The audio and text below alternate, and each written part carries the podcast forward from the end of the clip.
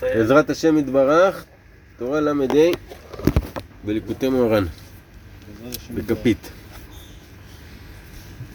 זו תורה שרבנו אמר אותה בראש השנה, שנת תקס"ב, לפני שרבי נתן התקרב אליו. רבי נתן התקרב אליו בסוף השנה הזאתי.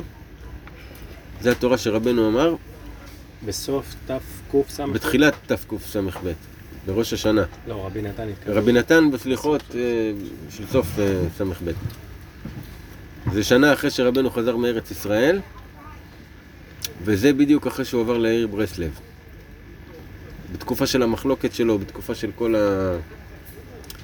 כל הרעש הכי גדול שהיה. בן כמה הוא היה בתקופה? פה, בן אה, 30 בערך. זו גם התקופה שסיפרת לנו על הסיפור שזרקו עליו עגבניות, נכנסו לכלא, רצו... לא, לרבי נתן זרקו. אמרת של רבי נתן, לא? לא, אבל זה ברב... בזמן של רבנו. רבי נתן זרקו עליו אחרי שרבנו נפטר. זה רבנו. באתי להגיד לך? חכה שתי שניות. ראש השנה תקס"ב. זה גם, אנחנו רואים, התורות שבשנים האלו הן קצת שונות. רבנו יותר משתמש ב... בלבנות דברים, בהרבה ראיות מהתורה, הרבה דברים. אחר כך בתורות המתקדמות יותר, התורה שלו יותר זורמת, יותר אה, חופשייה כזאת.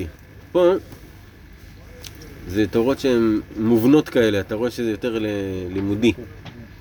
אבל כמובן, דברים, אורות, חזקים, הכל, זה אחרי ארץ ישראל. זה אורות נפלאים.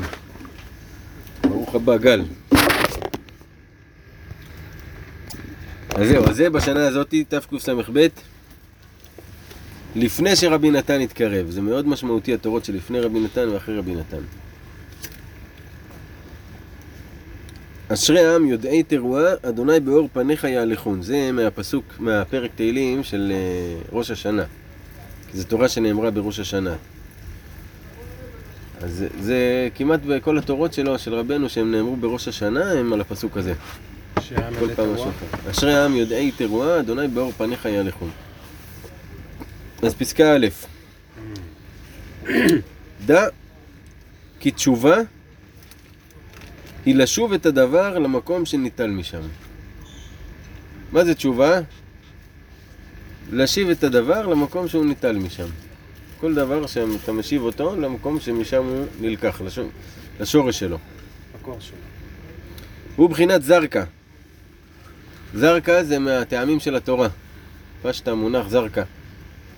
שזה כאילו סימן כאילו שהוא חוזר אחורה. אז בגלל שהסימן של הטעמים של התורה הוא כמו חוזר אחורה, זה כאילו להשיב את הדבר למקום שהוא ניטל משם. גם בטעם של התורה, אני מניח שהקריאה, האטונציה ה- שלה היא כאילו להחזיר אחורה את, ה... את הקריאה.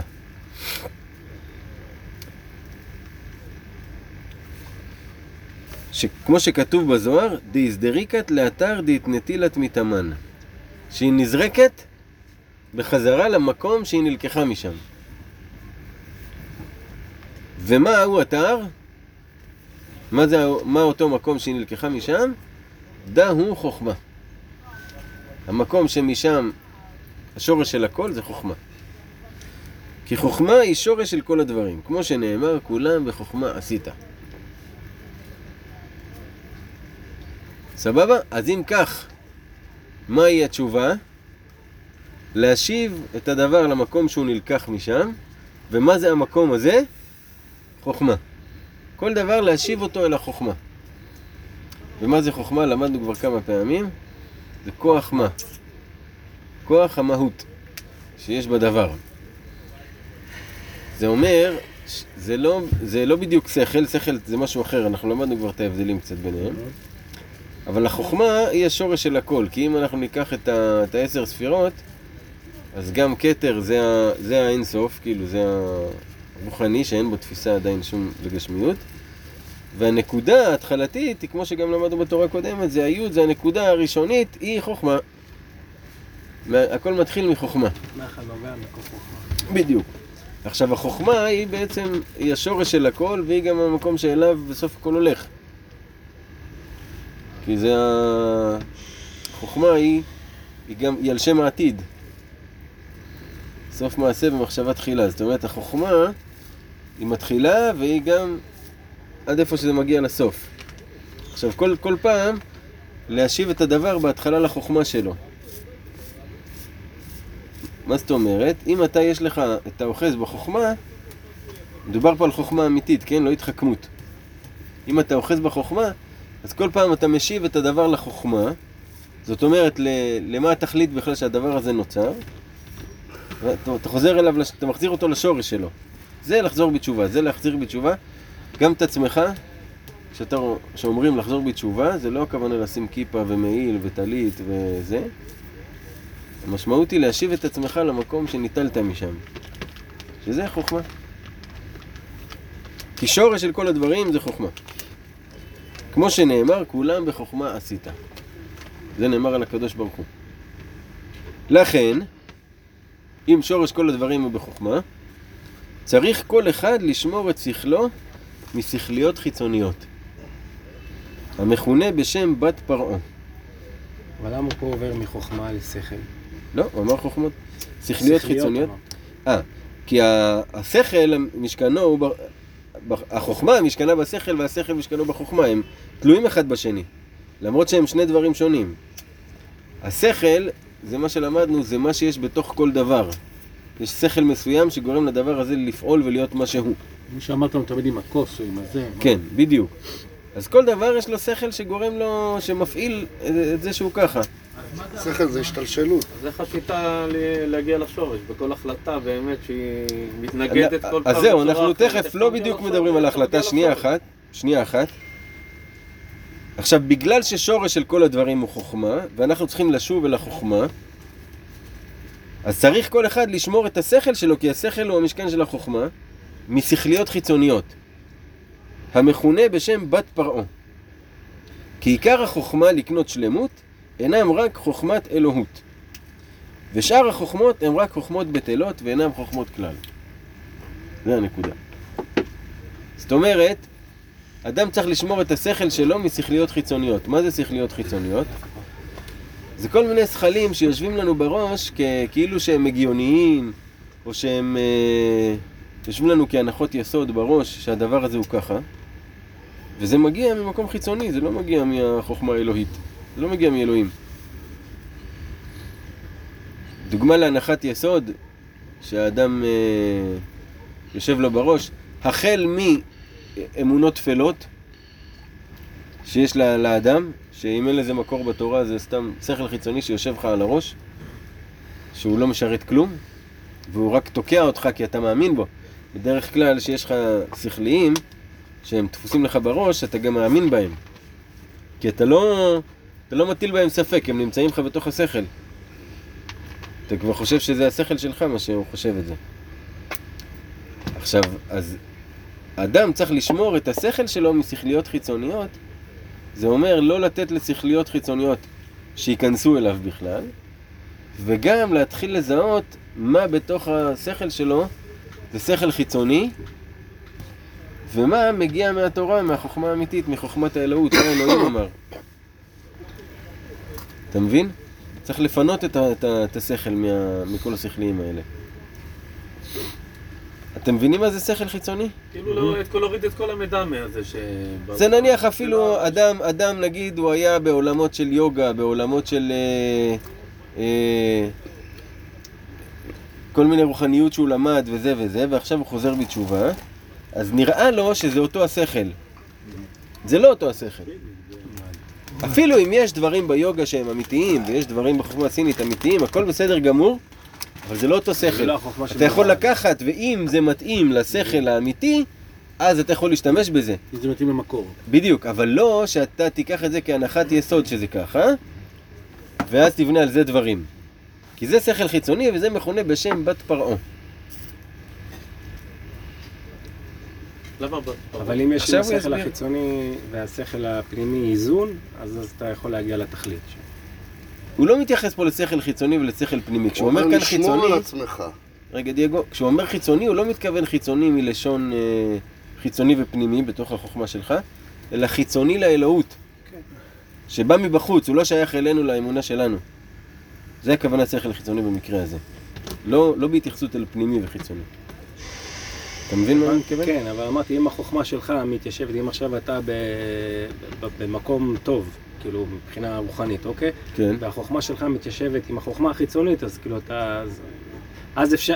אין אז- בעיה, אבל שזה לא יהיה אצלך כהנחת יסוד. הבנת? נגיד המדע אומר ש... לא יודע איזה דברים המדע אומר. העולם קיים, אה, איקס... כל מיני, כל מיני הנחות יסוד שהמדע, מה, המדע אומר, מה אתה רוצה? המדע אומר. אפילו שהמדע אומר, זה לא ראייה. מדע מת. זה בדיוק חיצוני. זה בדיוק חיצוני, זה לא ראייה, אין שום בעיה. נגיד, אתה יודע מה, קח דוגמה. המצוות, יש כאלה שנותנים טעמים על המצוות. שזה עושה שהעולם יותר, יהיה יותר טוב, ושבשביל זה קיבלנו את המצוות. בשר וחלב, זה בגלל שזה לא בריא לבטן. אומרים כזה דבר. שטות, קשקוש. אפילו אם זה נכון, זה עדיין קשקוש. למה לא ניתנו טעמים למצוות? כי מחר יבוא המדע ויוכיח שהדבר הכי בריא בעולם זה לאכול בשר עם חלב ביחד באותה כפית. אז מה, זה ישנה משהו? זה לא ישנה כלום. בגלל שלא על זה אנחנו נסמכים. זה שכל חיצוני, זה לא מעניין אף אחד. השכל האמיתי זה שכל, זה חוכמת אלוהות. מה זה חוכמת אלוהות? לי גם פה אבא. המקור. חוכמת אלוהות זה חוכמה שהיא אמורה להוביל אותך אל התכלית. הבנת? זה המטרה של החוכמה. אם חוכמה לא מובילה אותך אל התכלית, אז היא חוכמה חיצונית. כי מה היא עושה? מובילה אותך לפה, למשהו שקשור לעולם הזה, ואת העולם הזה אתה עוזב. היום ראיתי תמונה יפה של כמה שלדים. מלא, שורה של שלדים. וליד אחד כתוב שחור, ליד אחד לבן, ליד אחד איש, ליד אחד אישה, ליד אחד הומו, ליד אחד סטרייט, ליד אחד זה. כאילו בסופו של דבר כולם שלדים וכולם מגיעים לאותו מקום. אז כל מה שקשור לעולם הזה הוא שכל חיצוני. כי בסופו של דבר נשאר השלד ב- באדמה. מה ממשיך? מה חוכמת האלוהות? מה מביא אותך לתכלית? זה מה שחשוב שיהיה לך במוח. הבנת צחי?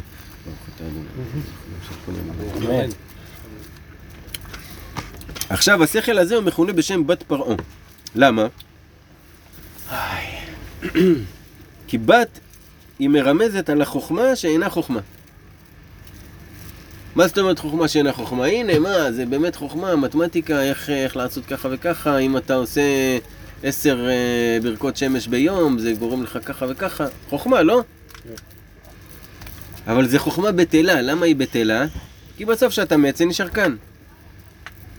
ייקח 70 שנה, ייקח 100 שנה, בסוף היא נשארת כאן, החוכמה הזאת. היא לא מלווה אותך לתחנה הבאה שלך, שאתה עוזב את הגוף. אז היא חוכמה בטלה. אפילו שזה טוב לך לעולם הזה, ויכול להיות, יכול להיות שבאמת יהיה לך טוב לעשות את התרגילים האלה, מתוך מקום שאתה באמת צריך שהגוף שלך יהיה כשיר יותר, וגמיש יותר, וחזק יותר, כדי שתוכל לעסוק בחוכמה שתוביל אותך לעולם הבא. ואז זה סבבה. אבל אם אתה עושה את זה מתוך האמונה שלך בזה, זה חוכמה בטלה. עכשיו, זה נקרא בשם בת. למה? כי יש, פס, יש פסוק ודרשה בגמרא שאומרת, הביאו בניי מרחוק ובנותיי מקצה הארץ. ועל בניי כתוב שזה, שדעתם מיושבת עליהם כבנים, ובנותיי זה הגלויות שבשאר הארצות שאין דעתם מיושבת עליהם כמו בנות. זאת אומרת, שדעה שאינה מיושבת בת. זה בת, וזה חוכמה שהיא חוכמה בטלה. למה? כי החוכמות, ה... אם תיקח חוכמה ותנסה לענות איתה על כל השאלות, איפשהו היא תיפול. היא לא מיושבת, היא לא יושבת בהכל. אבל אם תיקח את חוכמת האלוהות, לא משנה איזה שאלה תשאל, יש על זה תשובה. זה מערכת שהיא עונה על הכל, כי היא אמת, כי זה אחד. אז מכל זווית שאתה לא תנסה להתקיף אותה, יש תשובה על זה, היא עונה על כל השאלות. לעומת חוכמה בטלה, שאיפשהו היא תיתקע. אפילו עם החוכמה הכי גדולה בעולם, איפה היא נתקעת? בנקודה שמתים. אוקיי, מה קורה אז? איך החוכמה שלך רלוונטית לזמן שאנחנו נמות? הרי אי אפשר לחיות ולהתעלם מהעובדה הזאת שאתה תמות יום אחד. זה, זה הטיפשות הכי גדולה, להתעלם מהעובדה שאתה מת יום אחד. שאתה עוזב פה את זה, והולך להיות משהו איתך. אז אנשים אומרים, טוב, מה אני אקח, כאילו, מה, מה אכפת לי, מה יהיה אחרי שאני אמות? זה, זה טיפשות להגיד דבר כזה. הם אומרים תמיד, אף אחד לא יודע מה יהיה כשנמות. בסדר, אף אחד לא יודע, אף אחד לא מדבר על זה, אבל יש מקום שכן מדברים על זה. למה לא תתייחס למקרה שזה נכון? למה לא תתייחס למי שמדבר על זה, מה, מה הולך להיות אחרי שתמות? ושבכלל הולך להיות משהו, ושבכלל אתה ממשיך לאנשהו, ואתה צריך לקחת איתך צידה לדרך. אתה מבין? אז החוכמה, שאינה חוכמה, היא נקראת בת. ופרעה זה לשון ביטול, כמו שכתוב, אל תפריעו את העם. איפה זה נאמר? דייגו?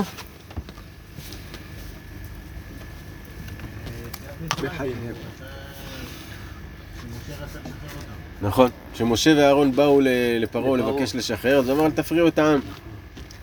אז רואים שזה מה? זה לשון ביטול, כאילו אל תבטלו את העם ממלאכתם. אז בת זה חוכמה שאינה חוכמה, ופרעה זה חוכמה בטלה. אז בת פרעה זה חוכמה בטלה. וחוכמות חיצוניות הן בחינת קנה. קנה כמו קנה סוף. כי יש קנה בקדושה שהן חוכמות קדושות, כמו שכתוב, קנה חוכמה. ראשית חוכמה, קנה חוכמה. ככה שלמה המלך אומר. ההתחלה של כל החוכמה זה לשלם עליה כסף. לא להגיד בחינם, אני אבוא בחינם, אלמד את זה, את זה. לא, אתה צריך לשלם כסף בשביל חוכמה. אתה מבין? כמו שהיא תהפוך לך לקניין. תהפוך לקניין, איך היא הופכת לקניין? שאתה קונה אותה. שלמדת, או שכי- כאילו... לקנות בכסף, אחי. חוכמה צריך לקנות בכסף. כמו לקחת קורס, לעשות משהו. ל- לשלם על זה, מה זה? לא עכשיו אתה- לומד תורה, איפה אתה משלם?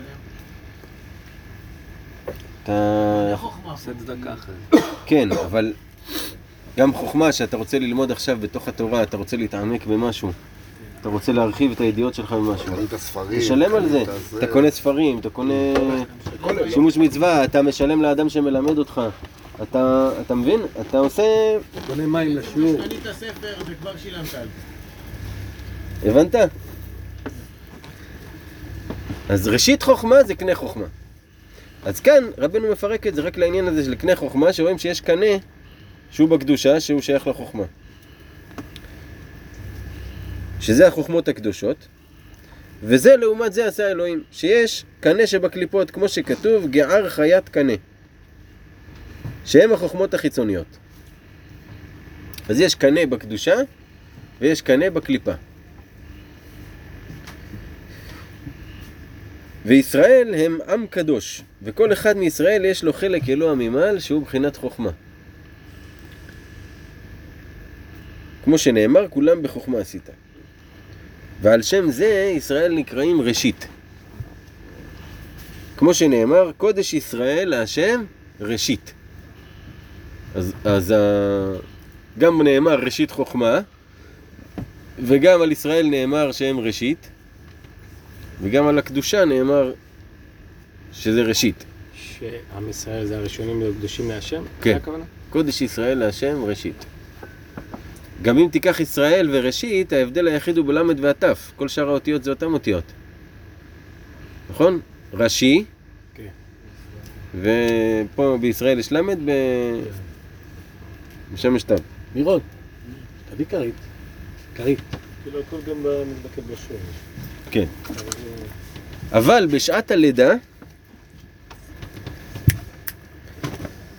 השכל מצומצם אצל כל אחד ואחד. וכשמתחיל להשתמש בו, בהתבוננות עבודת השם, אזי שכלו הולך וגדול. כמו שכתוב, ותרב חוכמת שלמה.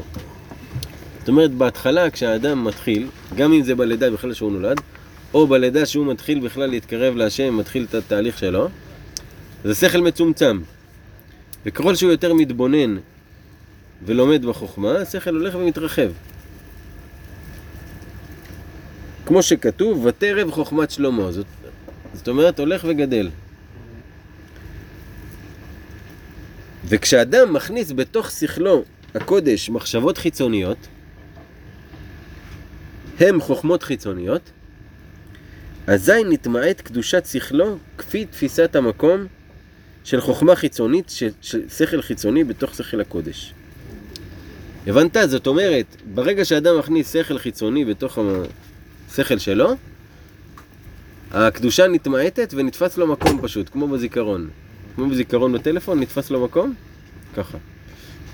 זה לדוגמה, עכשיו ראיתי לאחרונה משהו שעשו כל מיני מתחכמים חדשים, שלקחו את הנושא של האותיות וצירפו אותו כביכול לספירות, וצירפו אותו לקלפי טארות, וצירפו אותו לצ'קרות, וצירפו אותו לחוכמות מצרים, כאילו לקחו את הכל ביחד וקישרו את זה אחד לשני, כאילו זה אותו דבר. אתה מבין? זה שכל חיצוני.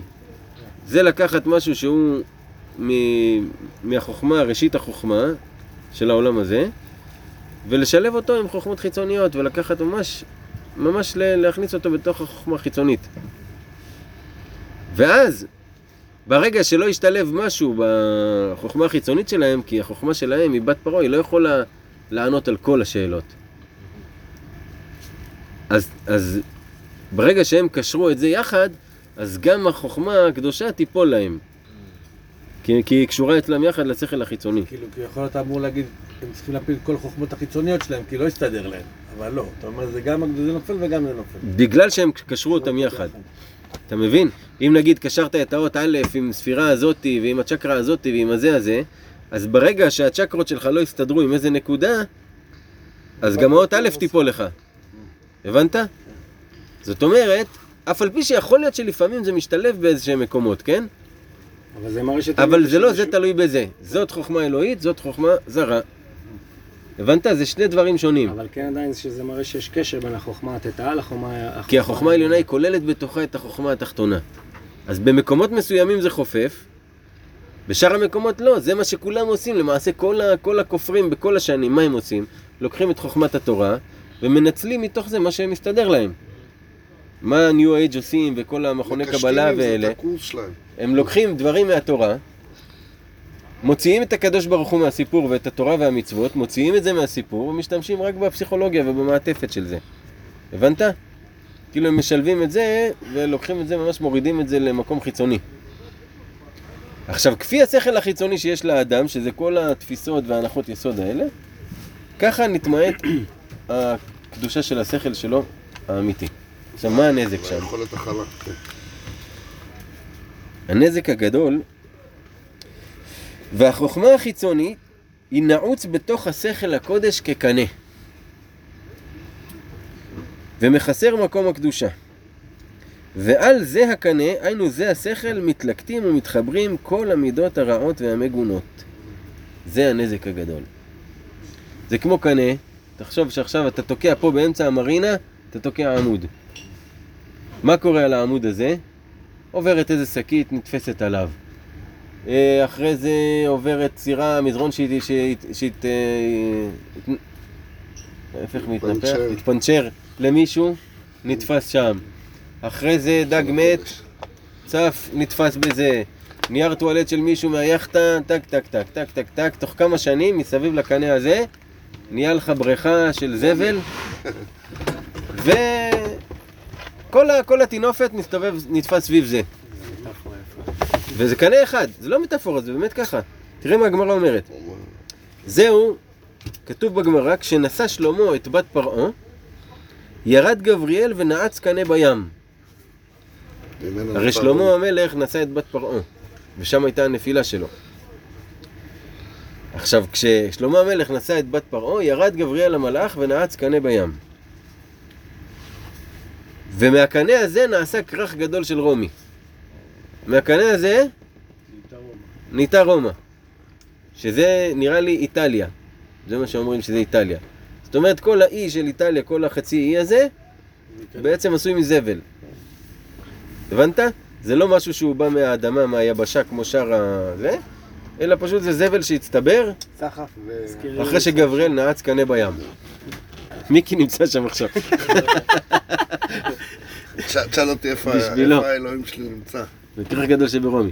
אז עכשיו רבנו אומר שגם למעלה מהשתלשלות הגבורות שזה ירד גבריאל, הרי גבריאל הוא שורש הגבורות, הוא ירד לכאן, זה אומר שהגבורות השתלשלו לעולם הזה. נעשה סוספיתא דדאבה, הפסולת של הזהב. מה זה הפסולת של הזהב? הרי זהב, איפה מוצאים אותו? בחול. עפרות זהב זה נקרא. זה חול מיוחד שהשמש שמה נותנת, ומנערים אותו, ובתוך החול הזה יש פסולת שיוצאת גם כן, מה... ונשאר רק הזהב הטהור בפנים. אז זה נקרא פסולת הזהב. שמהשתלשלות הגבורות של גבריאל, פה נוצר הפסולת של הזהב.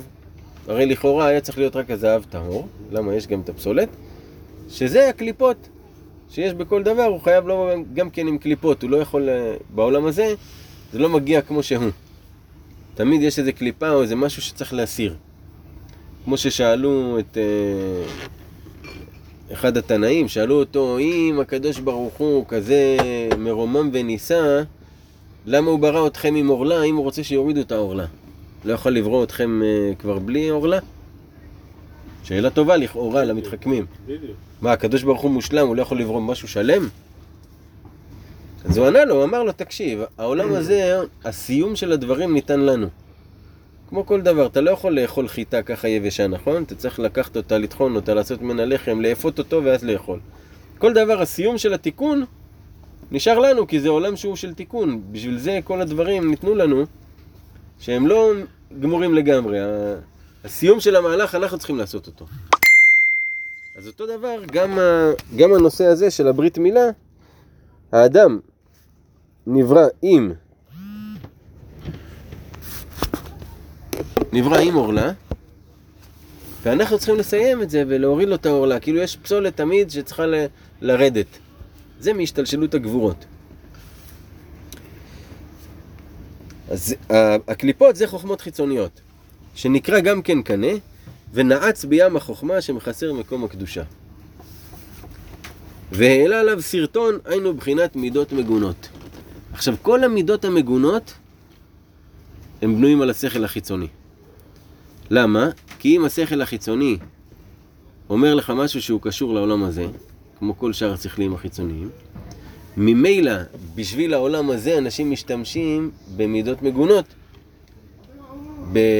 אתה יכול לראות הרבה לפעמים אצל אה, כאילו אנשים רוחניים, שבאמת הרוחניות שלהם היא לא משהו נצחי, אלא היא רוחניות שהיא קשורה לעולם הזה, אלא זה.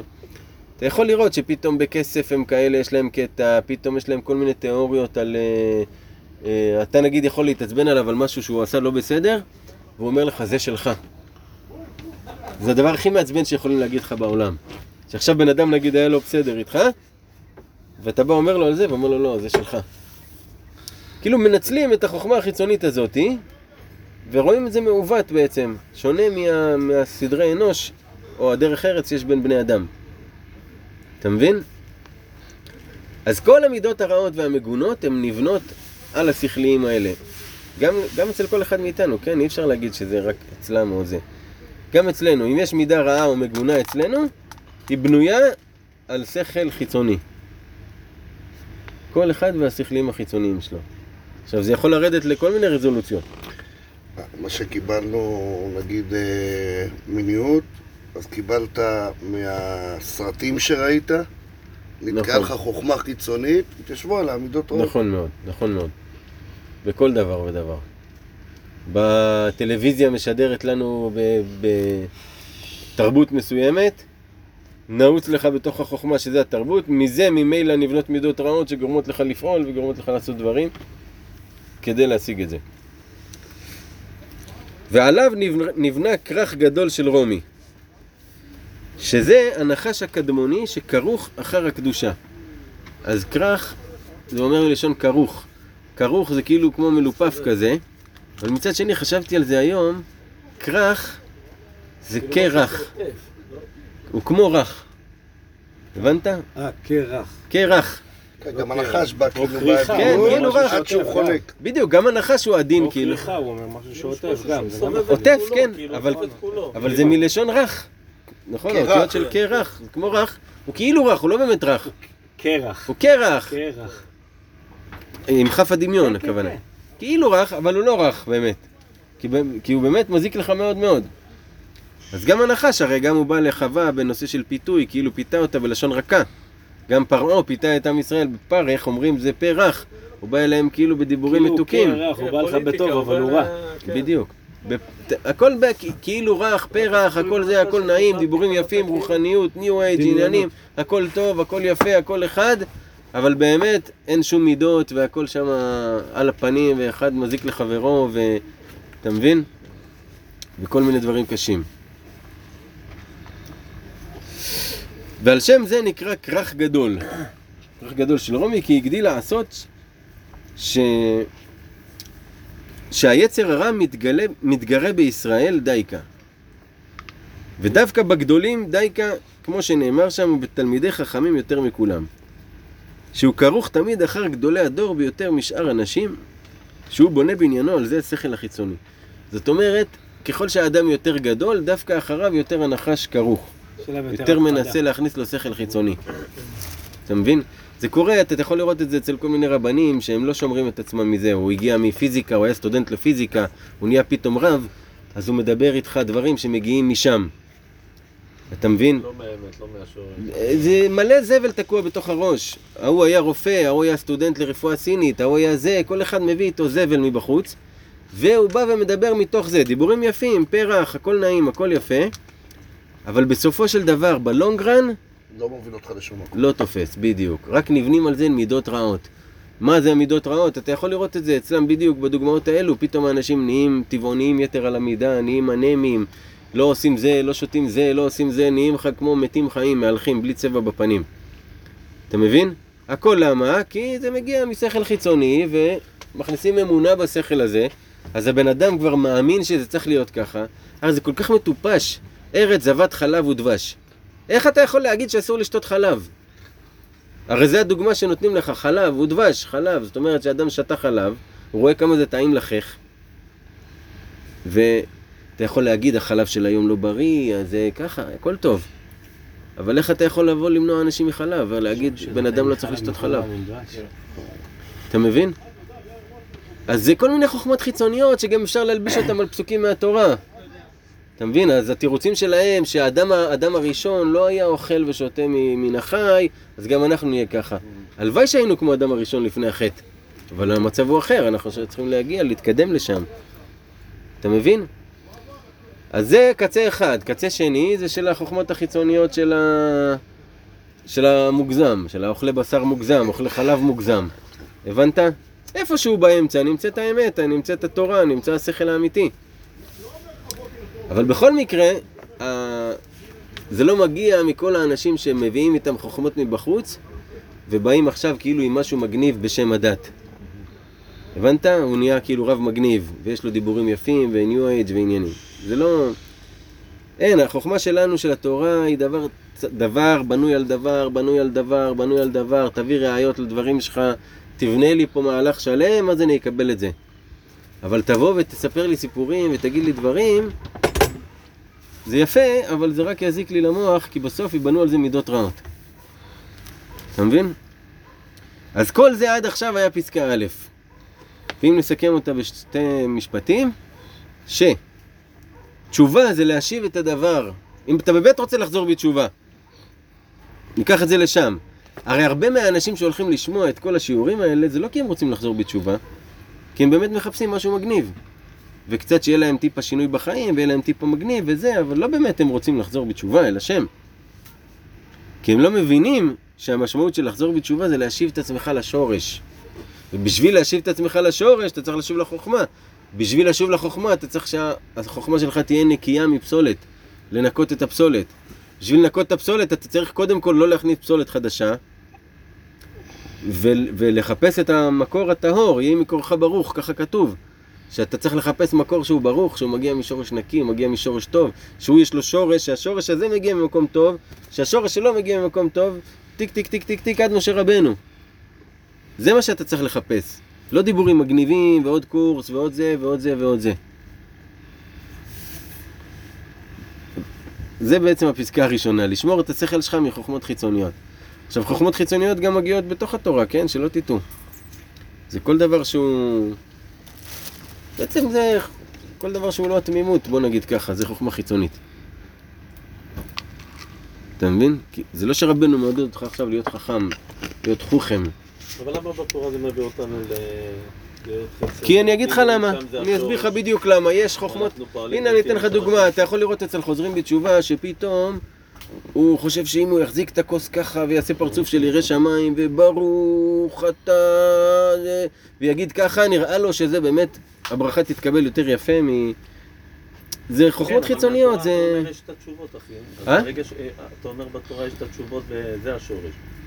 אז שיש גם דעות כאלה חיצוניות אז שיכולים לבלבל אותך, השאלה איך אתה עושה את ה- בתמימות. את ההפרדה, הבנת? תמימות ואמונה, אחי היקר. תמימות ואמונה. החוכמה האמיתית זה האמונה. חוכמה היא לא להיות חכם כלל. רבנו אומר את זה כבר בשנים המתקדמות שלו יותר, שלא תטעה שרבנו מעודד אותך כאן ללמוד חוכמות ולהתחיל להיות אה, פיזיקאי ולהיות זה וזה. לא. כשהוא מדבר על חוכמה, הוא מדבר על חוכמת התמימות. שזה עיקר החוכמה, לא להיות חכם כלל. תאביל יותר בה. לא להיות חכם כלל זה לא לחפש עכשיו את העניינים שבתוך העניינים, שום כלום. מה שהמסורת הפשוטה שקיבלנו מאבותינו, זה זה, על זה מדבר העניינים. לא תבוא תמציא עכשיו משהו חדש ו... ולא הבינו, הרבנים לא הבינו. אתה מבין? מקור חוכמה זה גם ה- אה, אה, פרשת השבוע בכפית. כי מתוך הלימוד הפשוט של מה היה עם יוסף ומה היה עם הזה, מתוך זה אחי אני מביא לחיים שלי את ה... איך אני צריך להתנהג או איך אני צריך לפעול. בדיוק, בדיוק אחי, בדיוק. התמימות והפשיטות, עיקר החוכמה היא לא להיות חכם כלל. זה הראשית בעצם. זה הראשית, לא להיות חכם כלל. כי החוכמה מאין תימצא. נכון? ככה כתוב, החוכמה מאין תימצא. דווקא מהעין, מהתמימות, מהפשיטות, שם היא תימצא. ככל שאתה מוסיף יותר, זה כמו גבריאל, שעוד נוסף עוד פסולת. אתה רוצה להוסיף עוד? עוד מילה, עוד פירוש, עוד התחכמות, עוד פרצוף? זה עוד פסולת. ועוד יותר לפנות. מה? אז זה פסקה א', מובן? יופי. פסקה ב'. ואחר כך, כשאדם שומר את. את עצמו משכליות חיצוניים, שכבר האדם הוא עוסק בעניין הזה של לשמור את עצמו, לא זו אף זו, שצריך לחדש השכל בכל עת. לא רק זה שהוא אומר, טוב, מספיק שאני שומר את עצמי ואני הולך בדרך, לא. צריך לחדש את השכל שלו כל הזמן. למה? כי אם לא, גם כן השכל שלו מתעפש. וכאילו, אפילו אם הוא אוחז במשהו שהוא כבר אחז אתמול ושלשום, זה לא מספיק. צריך, ל... צריך התחדשות, כמו לא מים. מתאפש חדשה. ומתאפש. כן. מים, הם צריכים כל הזמן תנועה, כל הזמן להזיז אותם. אפילו שזה תנועה במקום, רק לערבב אותם, את המים, זה כבר התחדשות בשבילם. אותו דבר, אפילו שאתה אוחז בחוכמה הנקייה וה... והתמימה והטהורה, כל הזמן לחדש את זה. כמו שכתוב, וטובו מחדש בכל יום תמיד מעשה בראשית. יפה. כי חידוש בראשית הוא הידוע החוכמה. נכון, הרי אמרנו שהראשית זה חוכמה. מחדש בטובו בכל יום, מעשה בראשית. זאת אומרת, את החוכמה הוא גם מחדש בכל יום. זאת אומרת, כל יום מחדש להתחדש. כי חידוש השכל היא חידוש הנשמה. זה החידוש פה בתורה הזאת. שחידוש השכל זה חידוש הנשמה. עכשיו, מה זה חידוש השכל? נגיד אתמול, התעניינתי בזה. הבנת שאין עוד מלבדו. ישבת, התבוננת בעניין הזה, וואלה, באמת, השתבח שמו, אין עוד מלבדו, אני רואה את ההשגחה בכל דבר, נכון? עברו יומיים, היה לך איזו הערה שנשארה איתך עוד מלפני, אבל היום אתה צריך לחדש את זה עוד הפעם, את אותו דבר, אין עוד מלבדו, עוד הפעם להתבונן בזה. הרי אה, כתוב חכם בבינה ובין בחוכמה, בספר יצירה. חכם בבינה, זאת אומרת, כשאתה בא להבין דבר מתוך דבר, תשתמש בחוכמה כדי להבין את הדבר הנכון מתוך הדבר הנכון. ובין בחוכמה, זה תתבונן בחוכמה. הבנת? תתבונן בחוכמה, זאת אומרת, אחד תלוי בשני. הם שונים. אה? מעניין, וואו. כן. ממש. זה, ה- זה המשחק בין שניהם. אתה חייב את שניהם, אז כל הזמן אתה צריך להתבונן בחוכמה, ואז היא תחדש אותך. אתה לוקח את האין עוד מלבדו, ואתה מתבונן בו מחדש היום. זה תמיד היו אומרים למוהרוש, הרי כל, כל מה שהוא כותב תמיד זה דברים פשוטים. אין עוד מלבדו, ממלא כל עלמין, סובב כל עלמין, אין שום מציאות בלעדיו יתברך כלל. כל מקום שתפתח הוא מדבר על זה, מדבר איתך על ללמוד תורה, מדבר איתך על להתבודד. זהו, אין, אין חידושים. אין איזה משהו שיפוצץ אותך, וואי, איזה מגניב, איזה דיבור שמעתי, איזה זה. כלום. אז תמיד היו אומרים מה זה, זה ספרים כאילו לזה, טוב, קראתי את הספר הזה, מה יש לי לקרוא עוד הפעם? קראתי כבר בקונטרס ההוא שאין עוד מלבדו, אז מה יש לי לקרוא את זה עכשיו בספר הזה? ספר שלם אתה מספר לי שאין עוד מלבדו, חוזר על עצמך. זה ככה לכאורה. זה בגלל. שהאדם הוא עדיין ב... מחפש חידושים וריגושים בתוך המוח שלו. אבל אם אתה תתבונן כל פעם. בזווית הקטנה של האין עוד מלבדו, פעם זה מהזווית הזאת ופעם זה מהזווית הזאת, ואתה מתבונן, ואיפה הבינה נמצאת? בינה ליבה. הבינה היא בלב. ואז אתה מחדש את, ה... את השכל שלך, ומתחדשת לך הנשמה. שרבנו אמר, חידוש כמוני לא היה בעולם. אז פעם, אחד מהפירושים אה, אמרו שזה חידוש כמוני בגלל שרבנו אמר על עצמו שכל רגע הוא חדש לגמרי. הוא בעצמו מחדש את עצמו לגמרי. כמו תינוק שנולד. כל רגע רבנו היה שם את עצמו כתינוק שנולד עכשיו. קצב התחדשות כמוני, לא היה מעולם. זה אחד מהפירושים, כן. שכאילו אה, קצב התחדשות כזה שכל רגע מבחינתו זה חדש, מה שהיה היה. למה יש את השיר הזה? מה שהיה היה. כאילו רבנו אומר כל רגע, מה שהיה לא רלוונטי, תתחדש, עכשיו חדש, חדש, חדש. מה חדש? אין עוד מלבדו, עוד הפעם, אין שום מציאות בלעדיו יתברך. הכל חדש, הקדוש ברוך הוא מנהיג את העולם. יכול עכשיו להנהיג את זה ככה. כל הזמן להכניס את הנושא הזה. פעם אחת רב, רבי נתן חזר מרבנו, וחמיב, שהיה חולק עליו, אמר לו, נו, מה למדת כל כך אצל הרב שלך? מה כבר, איזה חידוש קיבלת כבר אצל הרב שלך? הרי ידוע שאצל החכמולוגים שלומדים תורה, הם רוצים רק חידושים כל הזמן, שיהיה לי חידוש. יש לי חידוש. כן, חידוש, תגיד לנו חידוש. אז רבי נתן אמר לו, למדתי שהקדוש ברוך הוא מנהיג את העולם. אמר לו, מה? ואז הוא קרא לשפחה שלהם, אמר לה, פאטמה, מי, מי מנהיג את העולם? אמר לו, אלוהים. אז אמר לה, אתה רואה, גם השפחה יודעת מי מנהיג את העולם. אמר לו, כן, היא אומרת את זה, אבל אני ראיתי את זה. הבנת? זה מה שהוא קיבל אצל רבנו. שהוא התבונן. כי רבנו יחדיר בו את העניין הזה. שברוב ההתבוננות אתה רואה את השם, הרי התבוננות שהוא והסתכלות, בין בחוכמה, מה שאמר. כן, גם התבוננות והסתכלות זה אומנם לא אותה מילה ולא אותו דבר, אבל זה כן קרוב. אז מתוך התבוננות אתה יכול גם ממש לראות את השם, מרוב שאתה תתבונן בשכל שלך ובבינה, אתה, יכול, אתה תתחיל לראות את ההשגחה באמת במציאות. אז צריך לחדש את זה בכל יום, כי חידוש השכל זה חידוש הנשמה. כי השכל הוא הנשמה. אתה קולט מה רבנו אומר כאן? השכל הוא הנשמה, איך זה מסתדר לנו? הרי אמרנו שהשכל זה, זה מה שיש בתוך כל דבר שגורם לו להיות הוא. כמו שאמרנו על הבקבוק או על, ה, על הטלפון. קח טלפון נגיד. בתוך הטלפון הזה יש את השכל, יש את השבבים האלה, שכל שבב יש בו שכל מסוים שגורם לו להיות שבב, והשבב הזה שונה מהשבב הזה, ויש שכל מסוים שגורם לצירוף של כמה שבבים, אם אתה מחבר אותם עם, עם אה, חוט מכאן וחוט מכאן, זה יוצר מיקרופון. ויש שכל שגורם למיקרופון, שכשמדברים בתוכו משהו שומעים. בכל דבר כזה, נכון, יש שכל מסוים, שדווקא השכל הזה גורם לו להיות מיקרופון. אם החוט הזה הולך כאן, זה כבר לא מיקרופון, זה אז רמקול. השכל הוא התכלית של הדבר? השכל הוא הנשמה של הדבר. כי הוא מה שגורם לו להיות חי. אם אתה משנה טיפה את השכל של הדבר, מרמקול, זה מיקרופון הופך להיות. טיפה החוט הזה נמצא בחיבור הזה, זה כבר מיקרופון. החוט הזה נמצא בחיבור הזה, זה כבר אה, מקרר. החוט הזה נמצא בחיבור הזה, זה טלפון. מזכירה אלקטרונית, לא יודע מה. כל דבר, החוכמה והשכל שיש בתוכו גורמים לו להיות הוא. שזה הנשמה שלו. אותו דבר כל אחד מאיתנו, התרכובת הזאת של השכל שפועל בתוכו, זה הנשמה שלו. זה מי שגורם לו להיות הוא. כמו שנאמר, נשמת שדי תבינם. אז רואים שנשמה זה תבינם מלשון הבינה. כמו שאמרו רבותינו ז"ל, מה הקדוש ברוך הוא זן את העולם, אף הנשמה זנה את גופה. מה זה זנה את גופה? בזכות הנשמה שיש באדם, שזה השכל שגורם לו לפעול, יש חיים בתוך הגוף הזה. כשהנשמה מסתלקת, אז הגוף נשאר כאבן שאין לה הופכין. היא המזון בעצם. אה? היא המז- היא המזון, היא מזינה. היא מזינה השכל. אותה. השכל מזין. השכל גורם לו להיות חי. אבל כן. זה מה שגורם לזה לחיות חי. יאכטה, ניקח את היאכטה שאנחנו יושבים עליה. יש בה שכל שהיא הולכת ככה, זה שלה הולך באלכסון כזה, שגורם לכך שהיא תצוף.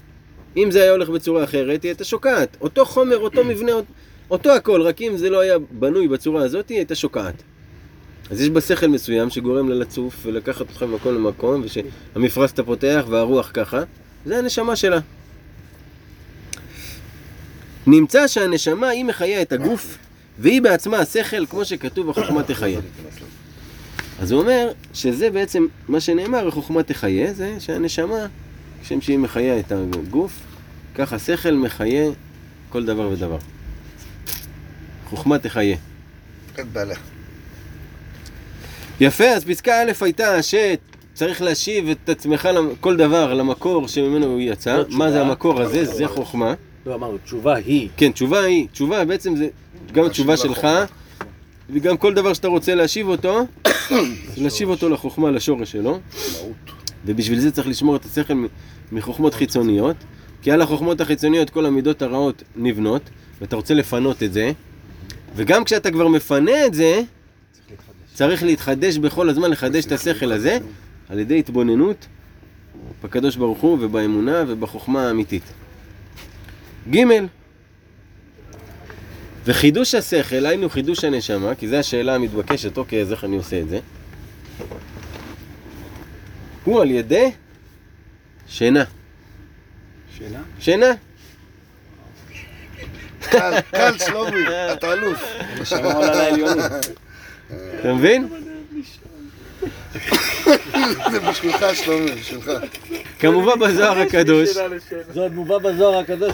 כן, חדשים לבקרים, רבה אמונתך. מה זה רבה? מה זה רבה? מה זה רב? למדנו כבר כמה... גדול, אז מה זה רבה? גדולה, גדלה? גדלה. רבה, אם אתה שם את זה עם דגש בבית, זה כאילו גדלה. הולכת וגדלה. חדשים לבקרים, רבה אמונותיך. החידוש של הבוקר, אחרי שישנת, רבה אמונותיך, מגדל לך את האמונה. כי כשהמוחין מתייגעים, אזי על ידי השינה הם מתחדשים, כנראה בחוש. כמו שאנחנו רואים, כשהבן אדם עייף, או שהוא חשב יותר מדי, או שעמד יותר מדי, הוא ישן, כולו מתחדש. זה פלא פלאים שהקדוש ברוך הוא עשה. שעל ידי שינה לא אתה מחדש. קרה לך, כן. אתה. לא משנה מה היה, שינה, אפילו כשבן אדם חס וחלילה עובר תאונה, והוא בתרדמת, אז זה יכול להיות חצי שנה של שינה, עד שמתחדש כל המערכת, ופופ, מתעורר, חדש. אבל השינה, היא מחדשת. מחדשת אותו. וזה שאנו מברכים, בכל בוקר אנחנו מברכים, הנותן ליעף כוח. כי היו מתחילה עייפים ועכשיו נתחזקו. ובשעת השינה, המוחין, היינו הנשמה, באה בתוך האמונה. מבחינת חדשים לבקרים וכולי, כמובן בזוהר הקדוש. זאת אומרת, שבזמן שהאדם יושן, הנשמה שלו עולה לבאר, ככה זה נקרא, בגלל זה אנחנו אומרים, בידך הפקיד רוחי. לבאר של האמונה. כל אחד הנשמה שלו עולה לשם. לאמונה, ושם היא מקבלת את ההתחדשות של הנשמה.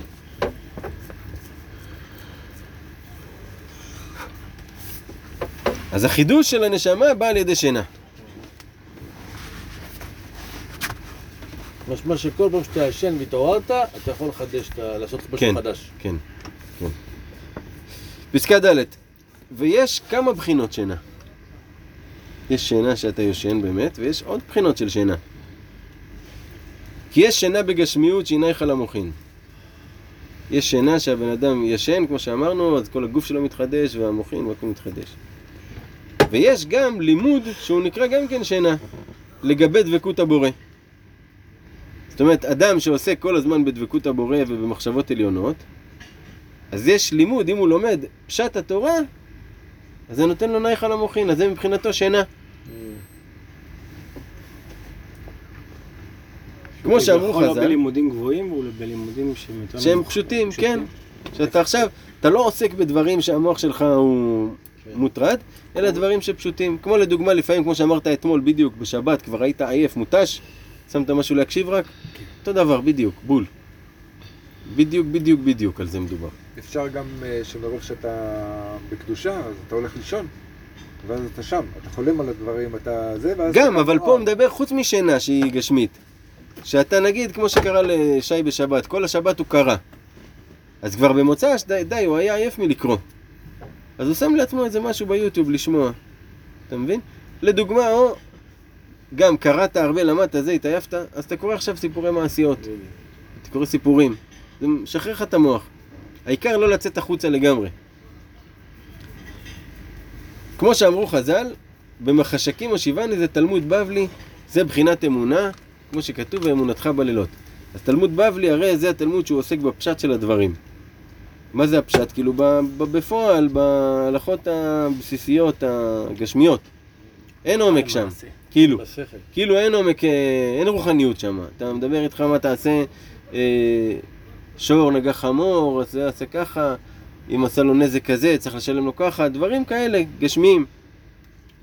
אז זה כביכול, כביכול אני אומר, בלי רוחניות, זה רק פשט של הדברים. זה נותן נו, נייח על המוחין כשאתה מתעסק ברוחניות כל הזמן. זה לא הבעיה שלנו, כי זה לא מה שאנחנו. אנחנו לא באמת מתעסקים כל היום ברוחניות, שנצטרך ללמוד פשט התורה. אבל הרעיון, הרעיון בתכלס פה, הוא מה שנקרא לחץ והתאוששות. הסוד הגדול הזה של לחץ והתאוששות. כשאתה נותן פרס על משהו, אפילו אם זה בגוף, בחדר כושר, אתה נותן הרבה מאמץ, אחרי כמה זמן אתה צריך שהגוף יתחדש, ובמקום הזה הוא נבנה. גם בנייה זה מלשון בינה. אז אתה נותן לחץ במשהו, ואז אתה נותן לו התאוששות עם משהו פשוט יותר. השריר נבנה במנוחה. בדיוק.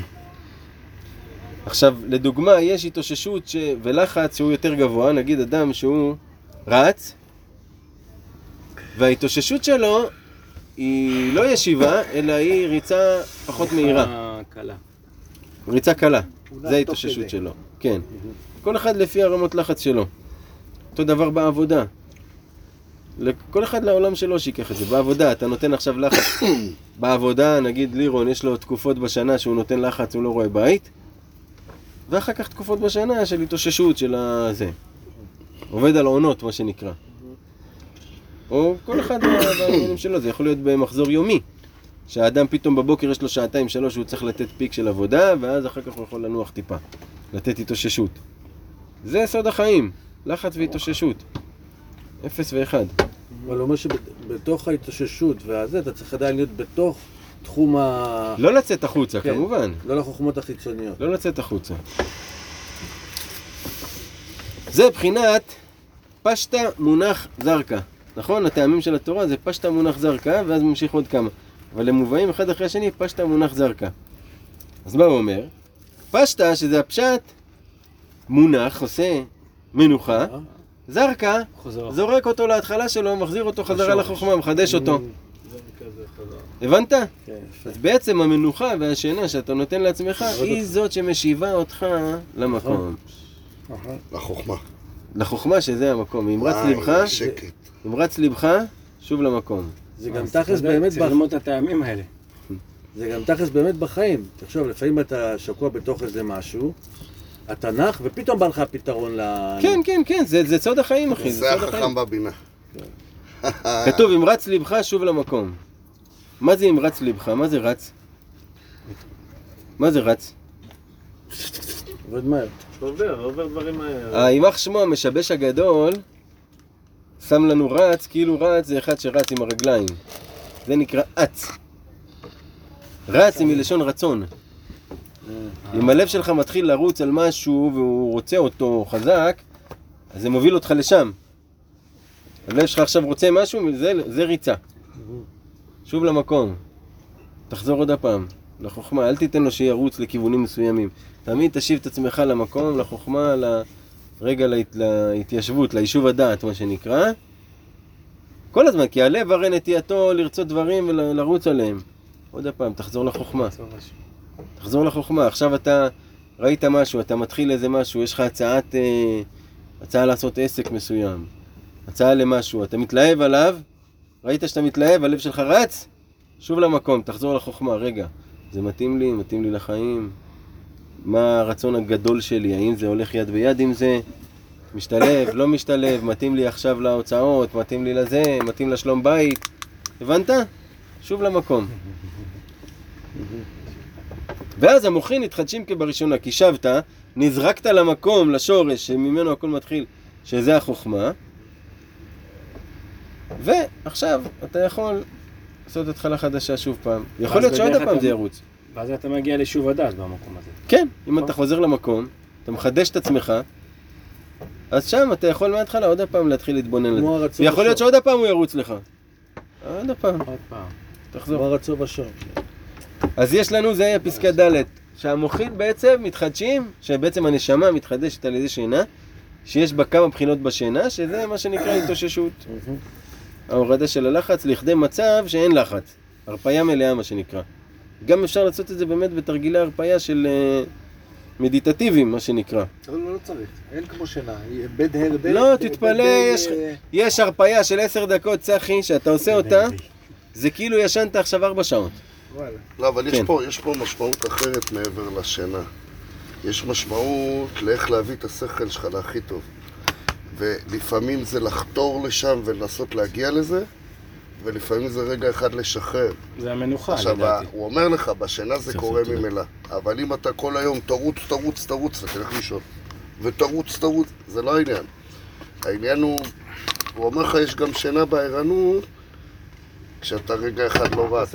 לא, וגם לפעמים שינה גשמית לא תעזור לך. גם בהבנה, גם בלימוד. לפעמים שינה גשמית לא תעזור לך לחדש את זה. אם אתה נגיד עכשיו הולך עם המחשבה הזאת על העסק הזה שהציעו לך ואתה מתלהב, אז ישנת ואתה קם בבוקר עדיין מתלהב. לא, לפעמים אני קם בבוקר פחות מתלהב. לפעמים יכול להיות, אבל יכול להיות מצב שאתה תקום עדיין זה נראה מתלהב. לי יש עניין עם ה... בגלל זה השינה היא, היא צריכה להיות שינה מהדבר הזה עצמו.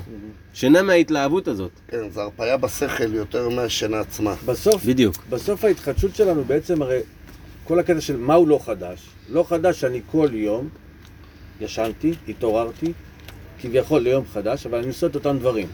עם אותו שכל עם של אותו אתמול. שכל של אתמול. אז כל יום אני לא מחדש כלום בעצם. אני נכון. חי באותו חכמות חיצוניות. עכשיו, גם ברגע שהחלטתי טוב, אני לא חי עם החכמות החיצוניות האלה, צריך אני לחדש. בדיוק. יפה. איווה. יאללה, פסקה ה' ועיקר המוחין שמקבלים על ידי האמונה, המוחין הזה שמקבלים על ידי האמונה, אין מקבלים אלא מאור הפנים. כמו שכתוב באור פני מלך חיים. חיים הם המוחין, כמו שנאמר, החוכמה תחיה, מקבלים מאור הפנים. דרך האמונה נקרא מלכות. עכשיו יצא לי היום לחשוב על זה, מה זה אור הפנים? הרי אמרנו, מה זה פנים? שם. מה זה פנים? פנים זה מה שנותן את הדבר. החיצוניות של הדבר, אוקיי. באופן מפתיע. בפנים זה הפנימיות. פנים זה הבחוץ של הפנימיות. אז לא אומרים פנים? זה עיוות? אתה יכול להגיד. פנימיות, או בפנים, או פנימיות עם הדבר. החיצוניות אתה רואה את הפנימיות של הבן אדם, כאילו. בדיוק. אז אור הפנים זה האור שמשתקף לו בחוץ. זה החוכמה. הבנת? האור שמשתקף לו זה האור. הפנימי שיוצא החוצה. הפנים שלך מאירות, זה כי... ההערה הפנימית שיוצאת החוצה. זה אור הפנים. ההערה הפנימית שיוצאת החוצה. מה שאתה רואה בחוץ מהאור הפנימי. כן. סבבה? אז את המוחין, איך מקבלים? מאור הפנים. זאת אומרת, כשאתה מקבל אה, אור, אתה רואה אור מסוים, ממנו אתה מקבל את האמונה. שזה אישה שהיא בהיריון, היא מאיר הפנים. יש לה משהו ב... נכון, גם, גם כשאתה לפעמים עושה משהו טוב, פתאום מאיר לך פנים. כשמישהו משכנע. אותך משהו, זה כי הוא סיפר לך על זה, והפנים שלו העירו. לא, גם כשאתה יוצא. אחרי אתה מאיר פנים. כן. עכשיו, אז עיקר המוחין שמקבלים על ידי האמונה, כי אמרנו שהרי המוחין מתחדשים שהם עולים לאמונה, אז בעצם כשאדם ישן הוא אמור להגיע למצב הזה של אמונה, זאת אומרת להביא את עצמו להרפאיה הזאת שאמרנו, כדי שהוא יגיע לאמונה של הכל מאת הקדוש ברוך הוא בסופו של דבר, וה, והקדוש ברוך הוא זה שמנהיג את הסיטואציה. אז אין מקבלים אלא מאור הפנים, כמו שנאמר, באור פני מלך חיים. אז איך מקבלים את החיים? באור פני מלך. איפה מתגלה האור של הפנים של המלך? בפנים. כשאתה מצליח לראות בפנים, שזה החיצוניות של הדברים, את האור הפנימי. את ה... הפנים, אמרנו, זה כל החיצוניות של הדברים. כן. כל מה שאתה רואה, פני השטח, נכון? זה החיצוניות של השולחן.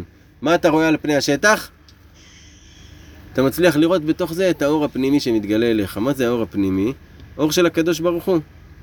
אז שם אתה מקבל את החיים. כשאתה מצליח לראות את הקדוש ברוך הוא, את האור שלו, על פני השטח, מה שנקרא. זה יכול להיות לדוגמה, שאני מסתכל על אה, סירה יפה, ואני אומר, וואי, איזה סירה יפה, חבל הזמן, או שאני אומר, איזה נפלאות הבריאה, איזה, איזה דבר הבורא יצא. כן, כן. אז חיים זה המוחין, כמו שאמרנו, חוכמה תחיה. מקבלים מאור הפנים, שזה אור פני מלך.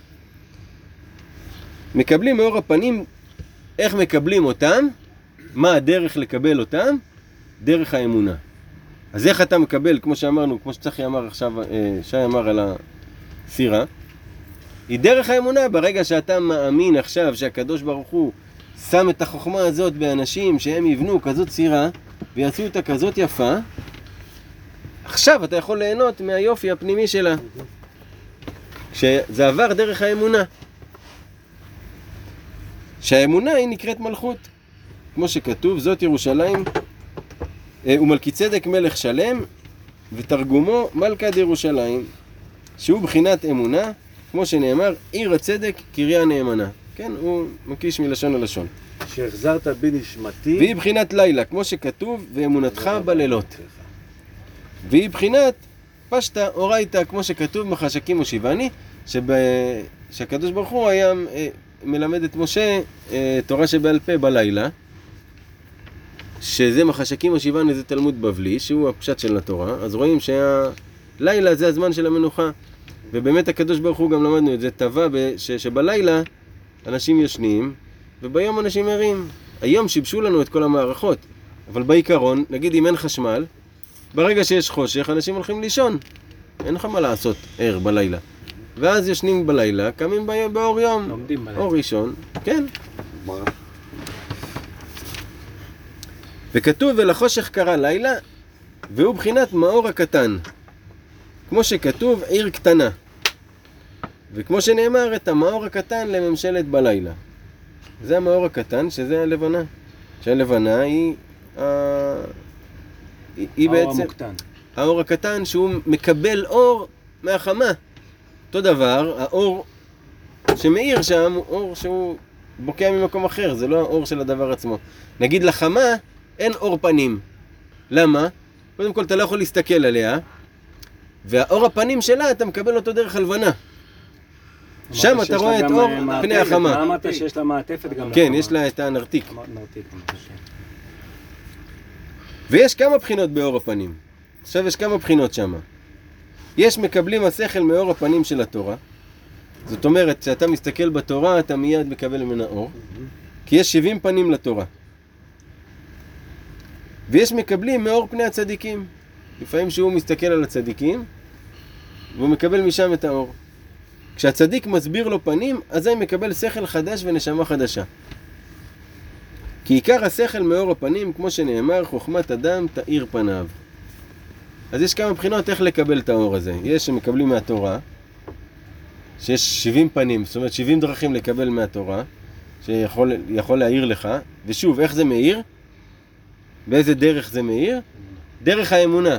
זאת אומרת, גם אם תסתכל על, ה, על התורה בלי אמונה, לא יאיר לך אור הפנים. הדרך לקבל את האור הזה היא דרך האמונה.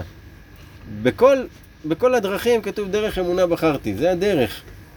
כל דבר אתה צריך להסתכל עליו עם אמונה. מכל שכן זה התורה, ששם ממש אתה יכול לקבל את האור עצמו, זה צריך לבוא דרך האמונה. שזה הגויים לא יכולים לקבל אור דרך קריאת התורה. זה לא כמו ה...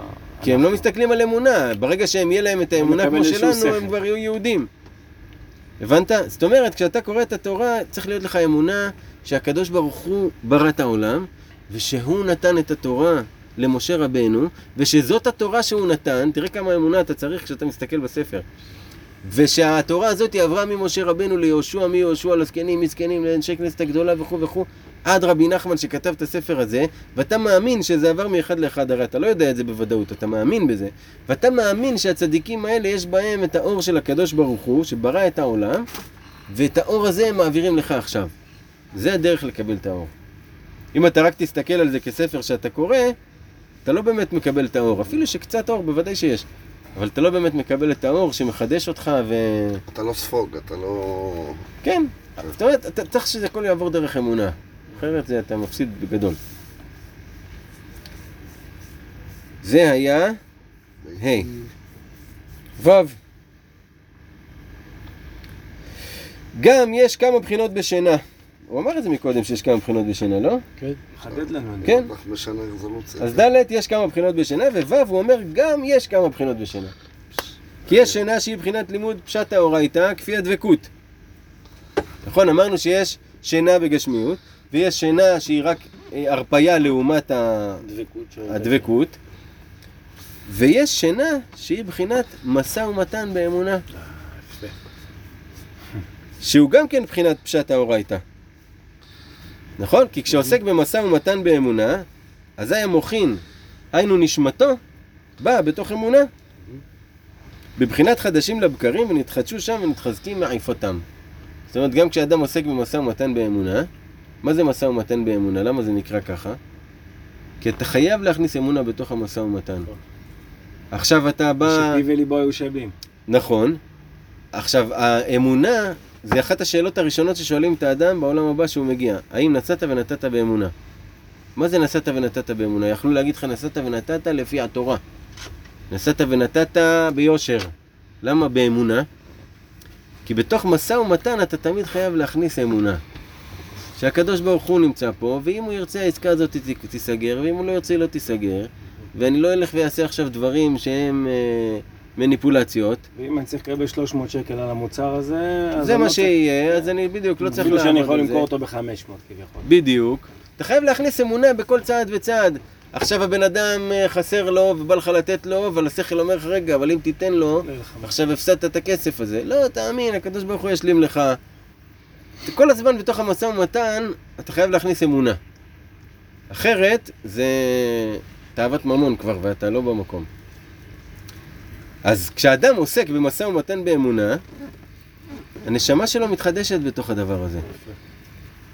כי זה, כי זה כאילו הביטוי הכי נמוך של, אה, של התורה. כי זה הביטוי הגשמי ממש. זה אפילו יותר גשמי מללמוד פשט אורייתא, כי זה ממש קיום התורה. כי כאילו בעצם מה החידוש פה? הרי כל יום אני עושה אותו דבר, אני עושה משא ומתן. אז בתוך הדבר הזה, מה אני, איך אני מחדש? באמונה. בדיוק. ואז כל פעם אני נתקע במצבים אחרים במשא ומתן, ומה אני עושה? אמונה. באמונה. בדיוק. תשאיר לנו אחר כך את השיר הזה, אה? גל, אתה חייב לשיר לשיר עם. אה? לא חייב, רק אתה. ושם הם מתחזקים, אז זאת אומרת, המוחין ישנים שם ונתחזקים מעייפתם. זאת אומרת שאחר כך הם יוצאים משם חזקים יותר, המוחין. וזה שאמרו חז"ל, הרוצה להחכים, יעסוק בדיני ממונות. מי שרוצה להיות חכם, יעש, ילמד את הדיני ממונות. היינו, מי שרוצה לחדש את שכלו, שזה נשמתו, שזה להחכים, של לחזור לחוכמה, נכון? יעסוק בדיני ממונות. מה זה דיני ממונות? משא ומתן באמונה. עכשיו היום בדיוק גם כן השתבח שמו התגלה לי. מה זה ממון? משא ומתן אמונה. ממון, אותיות ממון. קודם יפה, חבל, חזק. חבל. ממון, משא ומתן, אמונה. אמונה. זה השם ממון. הבנת? אה, כן, כן. כי העוסק במשא ומתן באמונה, הוא בוודאי עוסק בדיני ממונות. זאת אומרת, הפשט של זה היה, מי שרוצה להחכים יעסוק בדיני ממונות בהלכות של, של אה, משא ומתן. אבל מי שגם ככה עושה במשא ומתן, יעסוק ב, בלימוד של ההלכות, כביכול אה, הגוזל את חברו, מה ישיב לו, אה, מה מותר לעשות, מה אסור לעשות, כי יש כל מיני דברים, נגיד, הלכה לדוגמה מעניינת, שאסור לך להיכנס לחנות כשאתה יודע שאתה לא רוצה לקנות שם, ולהתחיל לשאול את המוכר כמה זה, וכמה זה, ואם אני עושה ככה זה... אתה מטריד אותי. אסור לך לשאול את זה, כי למה הוא בתוכו חושב שאתה רוצה לקנות, אתה גזלת ממנו. והוא כולו רוצה לתת לך באנרגיה כאילו שאתה עומד לקנות, ואתה אין לך כוונה לקנות, אסור לעשות את זה. זה נקרא הונאה. אז יש כל מיני דברים כאלה. הרוצה להחכים, יעסוק בזה, ייתן לך שכל. ועכשיו, רבנו לוקח את זה לרובד שדיברנו עליו, שאם אתה רוצה להחכים, שאמרנו שזה ה- הנשמה שתתחדש ותחזור לתוך החוכמה, יעסוק בדיני ממונות. מה זה? יעשה משא ומתן באמונה. ממילא הנשמה שלו מתחדשת שם ונהיית חכמה יותר. אז בעצם, מה שרבנו כאן אומר, שאם אתה הולך במשא ומתן שלך באמונה, ממילא אתה כאילו עוסק בדיני ממונות. הוא כאילו גם שולח אותך הלכה למעשה לדרך יותר פשוטה, אמונה, יותר פרקטית. כן, כאילו. כן. תדע לך, כתוב בספר קו הישר, אם אתה רוצה להכיר את היראת שמיים של האדם, זה בממון, בכסף, איך הוא מתנהג עם כסף. הכל, הכל, הכל אתה יכול ללמוד על האדם משם. יש לך אדם שהוא הכי חבר שלך הכי טוב, הוא נראה לך הכי גבר והכי זה והכי זה, אבל רגע אחד איך, איך הוא מתעסק עם כסף, מה העניינים שם, אתה יכול לזהות הכל. זה המדד. כי הממון זה הנפש של האדם.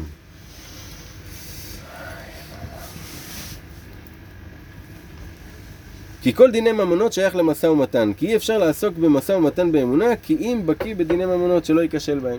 זאת אומרת, בשביל לעסוק במשא ומתן באמונה, אתה צריך לדעת באמת מה, מה מותר, מה אסור בנושא הזה. וזה בחינת הייתה כאוניות סוחר, בשיר השירים, הייתה כאוניות סוחר, מרחק תביא לחמה. יפה. אז הייתה כאוניות סוחר, זה משא ומתן, שזה כאילו מסחר, שזה על ידי משא ומתן באמונה, אה, סליחה, על ידי פשטה אורייתא, אז ממרחק תביא לחמה שהוא ממשיך שכל חדש מאור הפנים, כי השכל נקרא רחוק, כמו שכתוב, אמרתי החכמה והיא רחוקה. אז השכל הוא נקרא רחוק, אז אם האדם כאילו הייתה כאוניות סוחר, הוא מתעסק במשא ומתן באמונה, ממרחק תביא לחמה, הוא זוכה. ל... כן, זוכה לחוכמה שהיא באה מרחוק. זה עוד איזה סמך למה שהוא אמר. סבבה עד כאן? זין עכשיו.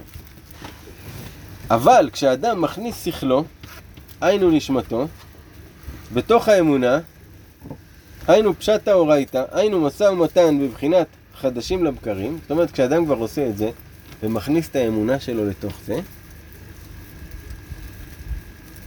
אזי צריך לשמור את האמונה שלא ינקו ממנה החיצונים. כי היא שוכנת בתוך החיצונים, כמו שכתוב, זאת ירושלים שמתיה בתוך הגויים וסביבותיה ארצות. ירושלים אמרנו מבחינת אמונה, נכון? כן. שזה לילה, שזה פשט אורייתא, שזה מבחינת המאור הקטון, נכון? מחילה, אבל אתה יכול לחזור על זה? כן, אני- כן, אני אחזור על זה כי זה ממש חשוב.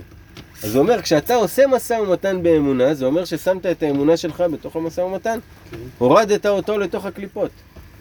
כי המשא ומתן זה התעסקות עם הקליפות, עם העולם הזה. הכנסת את האמונה בפנים, יכול לינוק ממנה החיצוניים. מה זה שהחיצונים יונקים ממנה? שפתאום אתה מאמין, פתאום נכנס לך אמונה שאם אתה עכשיו אה, תתלה נעל של תינוק, או כן, או תדפוק על השולחן, זה יעשה לך עכשיו שפע.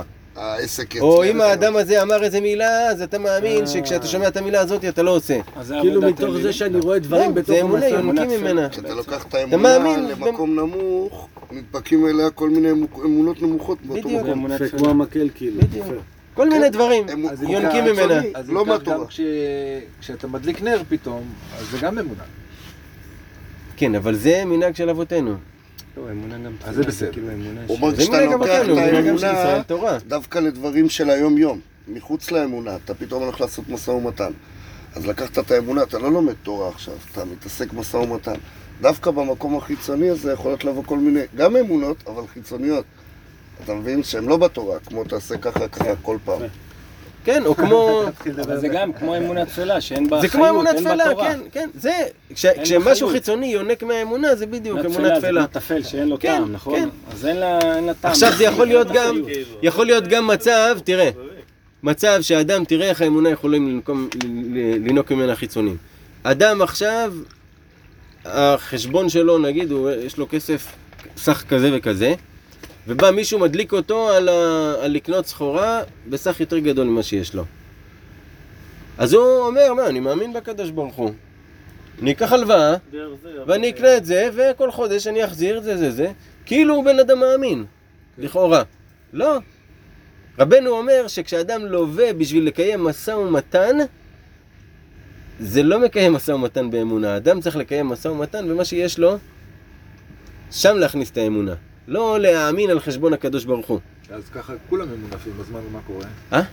כולם ממונפים. מה זה ממונפים? ממונפים. תמיד אתה חושב על... אתה ממונף. מכסף. תשמע, המשא ומתן עם הבנקים. והזה, זה דבר שהוא בתכלס על פי ההלכה האמיתית האמיתית, עזוב את היתרי עסקה, אסור לעשות. אסור לעשות, אחי.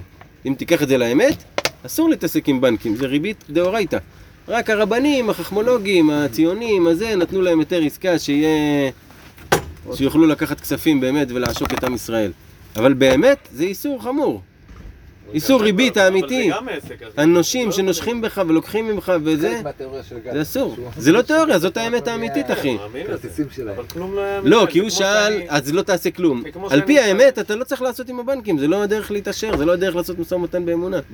לא זאת הדרך, הדרך היא להתפרנס עם הכסף שלך, להתגלגל איתו, לגדול לאט לאט, מה שהקדוש ברוך הוא רוצה ייתן לך, תקנה. להאמין, תקנה, תמכור, משא ומתן.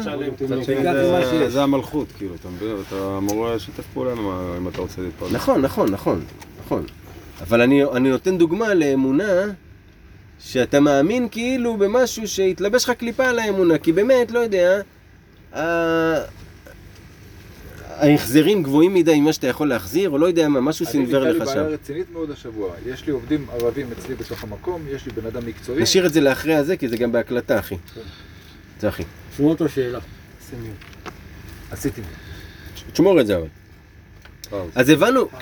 בגלל שאנחנו עכשיו לוקחים את האמונה, ואנחנו באים לעשות משא ומתן עם אמונה, האמונה שלנו כרגע חשופה לזה שינקו ממנה דברים. כי אתה עכשיו מפעיל את השריר הזה שנקרא אמונה, אז גם הקליפות באות לינוק ממנה. זה יכול להתלבש במיליון ואחת דברים. בסדר? זה היה דוגמה אחת מה שנתתי עם הבנקים. יכול להיות עוד מיליון, מיליון דברים, אתה צריך לשמור את עצמך מזה. שהוא בחינת מאור הקטן, ואת המאור הקטן נתן לממשלת הלילה. הרי אמרנו אמונה זה המאור הקטן, ואיפה הוא נמצא המאור הקטן? בלילה. הלילה זה הזמן של החושך, של הקליפות. שמה זה האמונה מאירה לך. בלילות. כשיש, כשהמוחין מאירים, אז יש לך אור יום. השתבח שמו, אתה לא צריך להשתמש באמונה. באור היום. אבל בלילה, שיש חושך, שם צריך להשתמש באמונה. וצריך להמשיך, עכשיו הוא אומר, איך אתה מצליח לשמור את, ה, את הלב שלך ואת האמונה שלך מהקליפות? צריך להמשיך בחינת חשמל מעולם הבינה. להלביש את המלכות. היינו אמונה, שלא ינקו ממנה העכו"ם והארצות שסביבותיה. עכו"ם זה עובדי כוכבים ומזלות.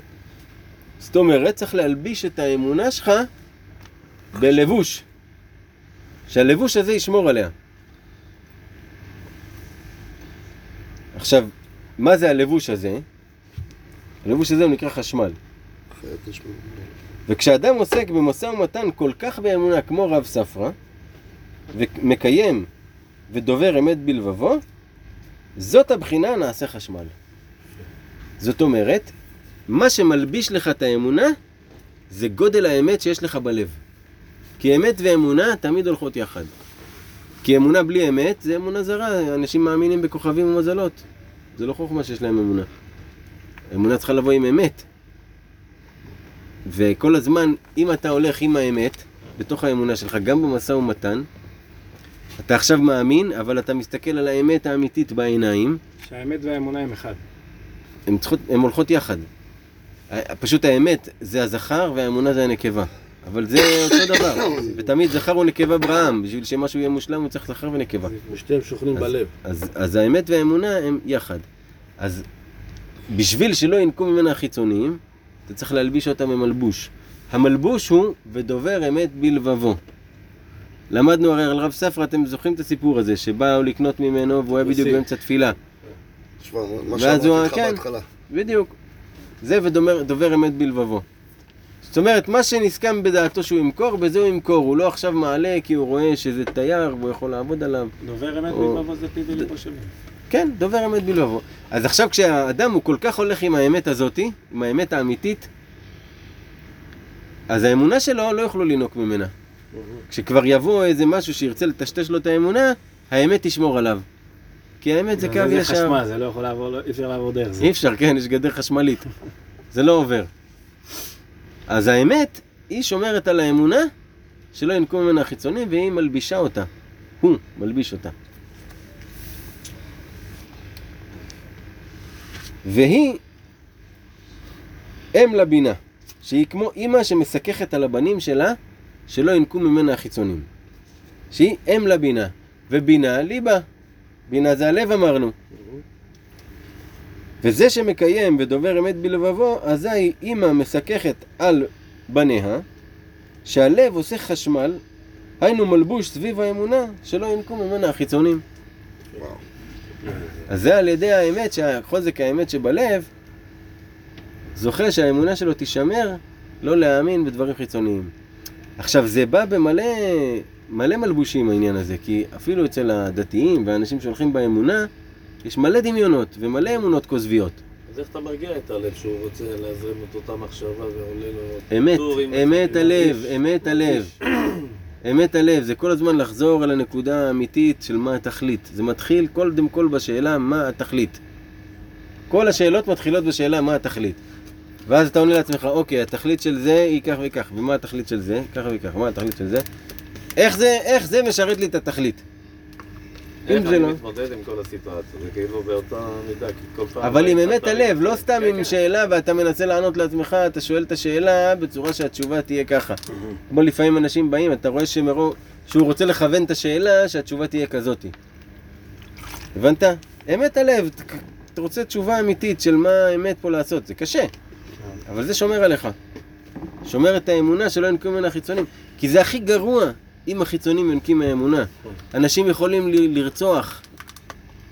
לרצוח, במצעד גאווה, לרצוח. פעם היה מישהו שרצח כי התלבש לו באמונה שצריך להרוג. הסיפור של הבר הזה, של ה... אתה מבין? אתה, זה אמונה. ערבים מתאבדים בשביל אמונה.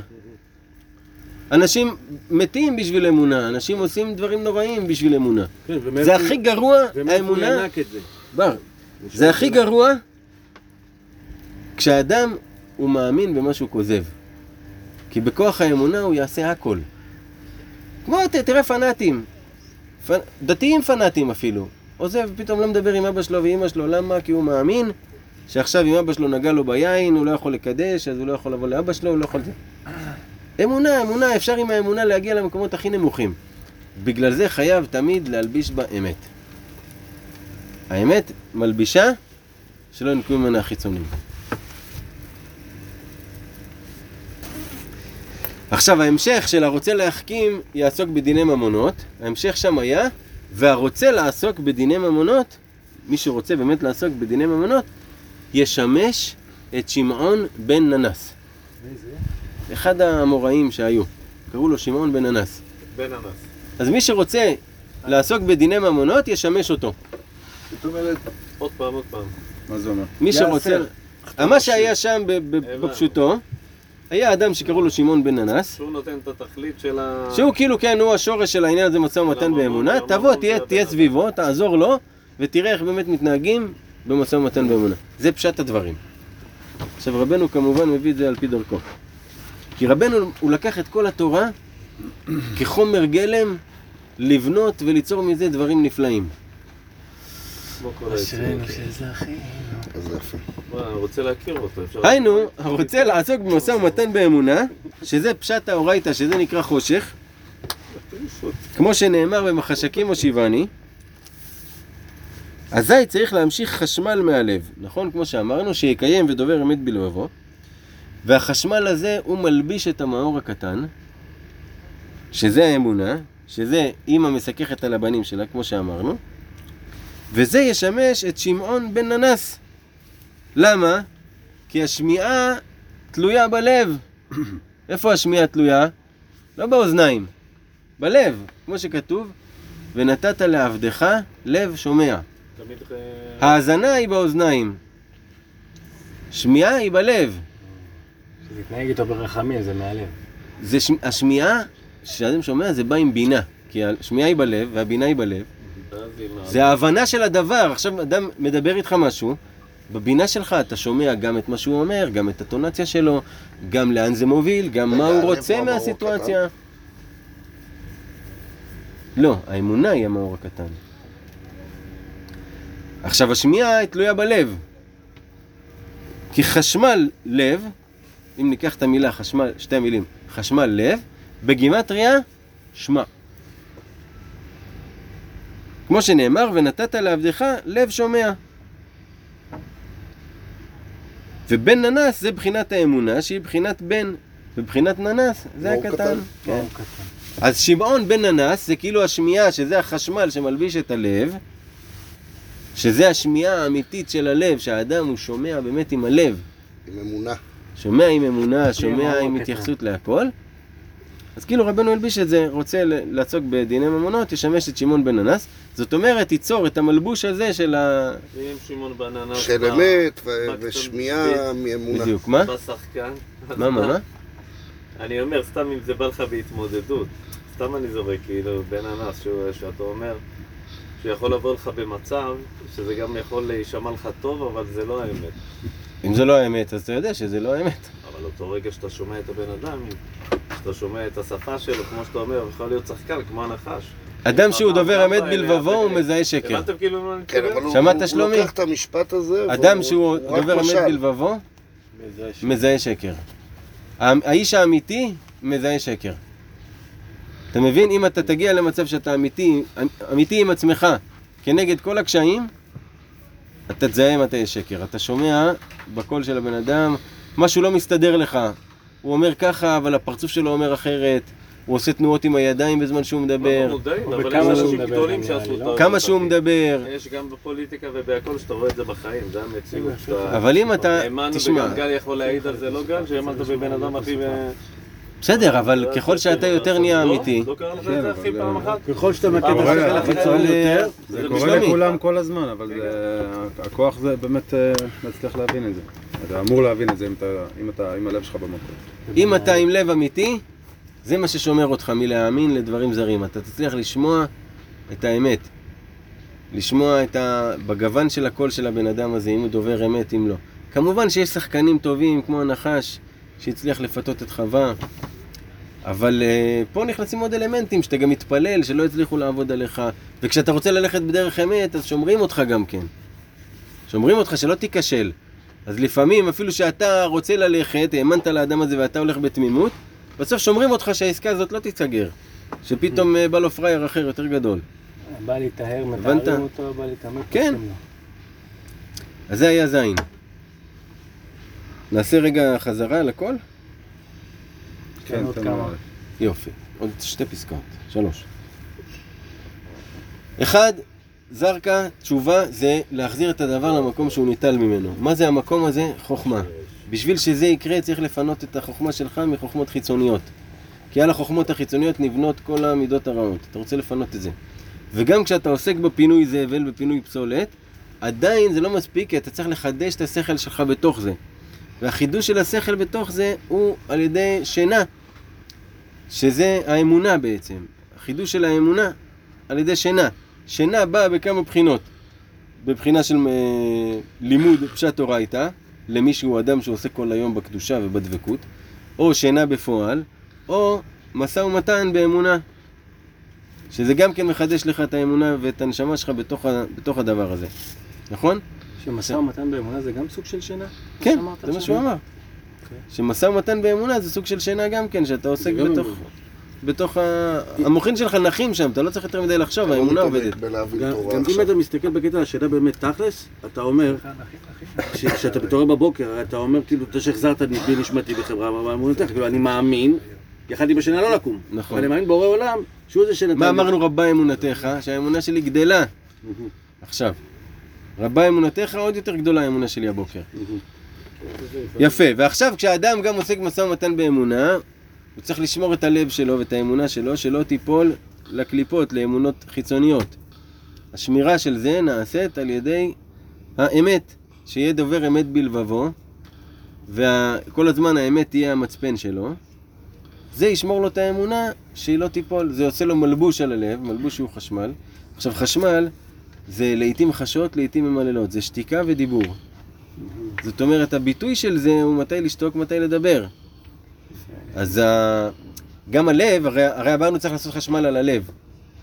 הלב, לפעמים צריך להשתיק אותו, לפעמים צריך לתת לו להשמיע את קולו. זה מלבוש של חשמל על הלב. לפעמים אתה צריך להגיד לו, סתום את הפה, מה אתה רוצה עכשיו? מה אתה דוחף אותי לאיזה כיוון? סתום את הפה. ולעיתים, תקשיב, רגע, מה הלב שלי אומר לי עכשיו? הבנת? כי צריך להקשיב ללב. מצד שני, לפעמים צריך לסתום לו את הפה. זה מהמם, כי זה פעם לדבר, פעם לא לדבר, ואז הוא מלמד אותך איך לדבר, לדבר מהלב, ואיך לשמוע באמונה. כן. הוא מראה לך גם איך לדבר וגם איך להקשיב בשיחה. כן, כן, גם בשיח הפנימי של הלב שלך עם עצמך. חטא.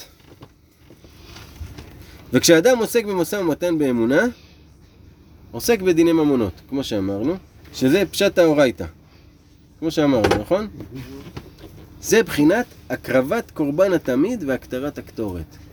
זאת אומרת, זה כאילו שאתה עכשיו בבית המקדש מקריב את קורבן התמיד ומקטיר קטורת. מה זה קורבן התמיד היה בבית המקדש? היה לנו פעמיים ביום קורבן התמיד. כל יום ויום מימי השנה, 365 יום בשנה, שזה קורבן שני השם קורבנות. יתברך. קורבן התמיד הוא בא בשביל כל עם ישראל. את הכבש אחד תעשה בבוקר, ואת הכבש השני תעשה בין הארבעים. כבש אחד בבוקר, הוא היה נקנה מהכספים של מחצית השקל. מכל עם ישראל, והוא מכפר על כל עם ישראל. הקורבן התמיד של הבוקר מכפר על עבירות ש- שעשו בלילה, קורבן של בין הארבעים מכפר על עבירות שעשו ביום. זאת אומרת, כל הזמן הקורבן התמיד, למקרה שאדם לא הספיק לנקות את עצמו ולחזור בתשובה על משהו, יש את הקורבן הכללי של כל עם ישראל שמכפר עליו. שכל יום עושים את זה. שכן, כל הזמן האדם יהיה נקי בסופו של דבר. אתה זוכר. כשאתה עושה משא ומתן. איווה. כל יום אתה מקריא. עכשיו רגע, והקטורת, הקטורת, היא גם כן היו מקטירים אותה אה, בבוקר ובין הארבעים. יקטירן הקטורת תמיד לפני אדוני לדורותיכם. והקטורת, היא היה בה את הבירור של, ה... של הריח הטוב מתוך הפסולת. והיא הייתה עולה לקדוש ברוך הוא. עכשיו, הקטורת זה מלשון קשירה. היא הייתה קושרת את העולם הזה לעולם הבא. וואו. היה בה משהו שהוא מעלה עשן כלשהו, שהיה עולה עמוד, עמוד עשן ישר. היה עולה עמוד עשן ישר. לא שהולך בזיגזג ככה. המעלה עשן כלשהו זה ישר, זה קושר את העולמות העליונים והתחתונים. עכשיו, על ידי משא ומתן באמונה, האדם זוכה גם כן להקרבת קורבן התמיד, שזה מכפר לו על כל הדברים שהוא עשה ועל כל העניינים האלה, וגם קושר את העולם הזה עם העולם הבא. כי כשאתה עושה משא ומתן באמונה, אתה בעצם מקיים את חוקי התורה, שהם מדברים על העולם הזה והעולם הבא. כי החוקים של העולם הזה שהם באים לידי ביטוי בגשמיות, שורשם הוא ברוחניות אלוהות שהקדוש ברוך הוא ברא את העולם וציווה לעשות את זה. כמו שאמרנו, שאתה, סוף, סוף התיקון של המעשים הגשמיים תלוי בנו. אז סוף התיקון של המשא ומתן הוא תלוי בנו שאנחנו עושים אותו באמונה, ואז סיימנו וקשרנו את העולמות יחד, ועשינו בעצם את התיקון שלשמו באנו, כי בגלל זה כתוב שהשאלה הראשונה ששואלים, אם נסעת או נתת באמונה. כי בעצם בזה אתה עושה את כל התיקון. כי על ידי התמיד עולים חוכמה, בינה, דעת, דעשייה ביצירה. זה מושגים בקבלה שאני לא כזה בקיא בהם, אבל ככה בפשטות. זה קשור? לסולמות, אבל על לא. ידי התמיד, על ידי קורבן התמיד עולה חוכמה, בינה, דעת של העשייה ליצירה. ביצירה. וכל הניצוצות הקדושים שבקליפה עולים בסוד י"א סמני הקטורת. הרי יש לנו ניצוצות קדושים בתוך הקליפה, הם עולים אל העולם שלמעלה. כמו שלמדנו בתורה כ"ה שוב פעם על ההתלבשות של החיצוני בפנימי, הקליפה היא גם עם מלא מלא מלא ניצוצות. כן, יש תמיד ניצוצות קדושה בתוך הקליפה. אין מה להטריד את עצמנו בזה, זה רק רבנו מלביש את זה בצורה כזאתי, ששוב, אנחנו נראה בתורות של רבנו האחרונות, הוא כבר לא מדבר בשפה הזאת בכלל, בשפה הקבלית. אוקיי. זה עוד פה, שעוד רבנו היה ב... במוחין כאלה. אחר כך רבנו כבר, הדברים שלו הרבה יותר לא, התעסק פשוטים. המון המון בגבוה, ואז הוריד כן, עצמו. בדיוק, ואז הדברים הם בפשוטים וכוללים. את הכל. כן, בדיוק ככה. אה. אז כל הניצוצות הקדושים שבקליפה עולים בסוד 11 סממני הקטורת בבחינת מלכות. וכשאדם עוסק במשא ומתן, והמשא ומתן הוא בחינת דיני ממונות, היינו פשט האורייתא, נמצא בשעת עשיית המשא ומתן עוסק בפשט התורה, שהם בחינת מטט המקנן ביצירה, שזה מלאך מטט שהוא מקנן בעולם היצירה, הקן שלו הוא בנה בעולם היצירה. נמצא שחוכמה בינת דעת שלו בעשיית המשא ומתן עולים ביצירה. זאת אומרת, האדם עכשיו הוא נמצא בעולם העשייה, חוכמה, בינה, דעת שלו זה המוחין. איפה המוחין של האדם נמצאים בעולם העשייה? הם עולים לעולם היצירה. כשהוא עושה את זה משא ומתן באמונה, נעשה עליית המוחין שלו. כי, כי הוא משתמש בהם עכשיו במשא ומתן, באמונה, זה מה שעשה להם עלייה, כמו 11 סממני הקטורת, שכתוב עליהם שמעלים חוכמה בינה דעת של עשייה ליצירה. נמצא שחב"ד שלו בעשיית המשא ומתן עולים ביצירה היינו לפשט האורייתא וכל ניצוצות הקדושה שיש בתוך העכו"ם והארצות שסביבות ירושלים עולים לבחינת אמונה הנקרא ירושלים ומלכות. וכשזה קם, זה נופל. זה נופל. זאת אומרת, כשיש עלייה למלכות הקדושה, אוטומטית מלכות הרשעה נופלת. זאת אומרת, במילים אחרות והכי פשוטות שיש, אם אנחנו רוצים שמלכות הרשעה תיפול, שזה השלטון שיש עלינו היום, צריך להעלות אל- את מלכות הקדושה, שזה המלכות של הקדוש ברוך הוא. לא בפועל, כמו שהקיצונים וה, והפנאטים עושים, שהם עכשיו ילכו וילחמו ויגידו השם הוא מלך וילחמו בזה, לא. עליית המלכות הקדושה זה כל אחד בתוך עצמו להעלות את זה שהוא יבין שהשם הוא מלך. השם הוא המלך. וזה המלכות, וזה מה שמוביל אותך בחיים, וזה מה שמולך עליך. האמונה. והוא- הוא- למה האמונה היא נקראת מלכות? כי זה מה שמולך עליך, זה מה שקובע לך את הטון, זה מה שקובע לך איך תתנהג בחיים, זה האמונה. זה מלכות הקדושה. ברגע שאתה, שהאמונה מוליכה אותך. כן, ברגע שאתה זה שמגבירים את מלכות הקדושה, אוטומטית זה נופל. מלכות הרשעה תיפול. זה הדרך להפיל אותם. לא במלחמות ולא בשום דבר כזה. אין לנו את הדבר הזה של מלחמות. כשאני עושה מתן משא ומתן אמונה, אני אמור לראות משהו, אמור להרגיש משהו. לא בהכרח. לא בהכרח. יכול להיות גם ששנים אתה לא תראה כלום, וגם יכול להיות גם שפתאום לא יסתדר לך גם הכסף, חס וחלילה. זאת אומרת, יכול להיות שזה יבוא לך הפוך. תלוי כל אחד בניסיון שלו, כן? כן. אבל, אבל זה, האדם צריך לעשות את זה. אבל כשאתה עושה משא ומתן זה יחסית פשוט דווקא. הרי בסופו של דבר אם אני עושה משא ומתן באמונה, אני אמור להרגיש שהלב שלי נקי בתחושת שלמות. הרעיון זה ש... הרי- הרי- תראה, לא ראיתי בשום מקום, בשום מקום, שמדברים על הרגשה, שצריך להרגיש משהו. כשאתה עושה משא לא. ומתן, בשום מקום. לא ראיתי שמישהו כתב שירגישו ככה, לא רבנו ולא אף אחד מהצדיקים לא אמר, לא, אם תעשה אז תרגיש לא, כך אני מבין, וכך. אני אומר, אני לך היום שלי, אני יכול לבוא להגיד, שמע אחי, אני כל היום עושה... מה המשמעות של מה שאמרתי לך? אבל שום דבר לא הולך לי, אחי. מה המשמעות של מה שאמרתי לך? שזה שאנחנו בכלל מאמינים שצריך להרגיש משהו, שצריך להיות מאושר, ושצריך לבוא לנו הרגשה טובה מזה שאנחנו מקיימים את התורה, לא, זה אין לזה שום מקור. זה סתם דמיון של המטיפים שמחזירים בתשובה. אף אחד לא מבטיח לך שאם אתה תעשה דברים, תבוא לך ברכה, ואתה תהיה זה וזה, ותרגיש טוב ותהיה מאושר, ואם תשמור שבת אתה תהיה מאושר בחיים. מה פתאום? זה לא כתוב בשום מקום.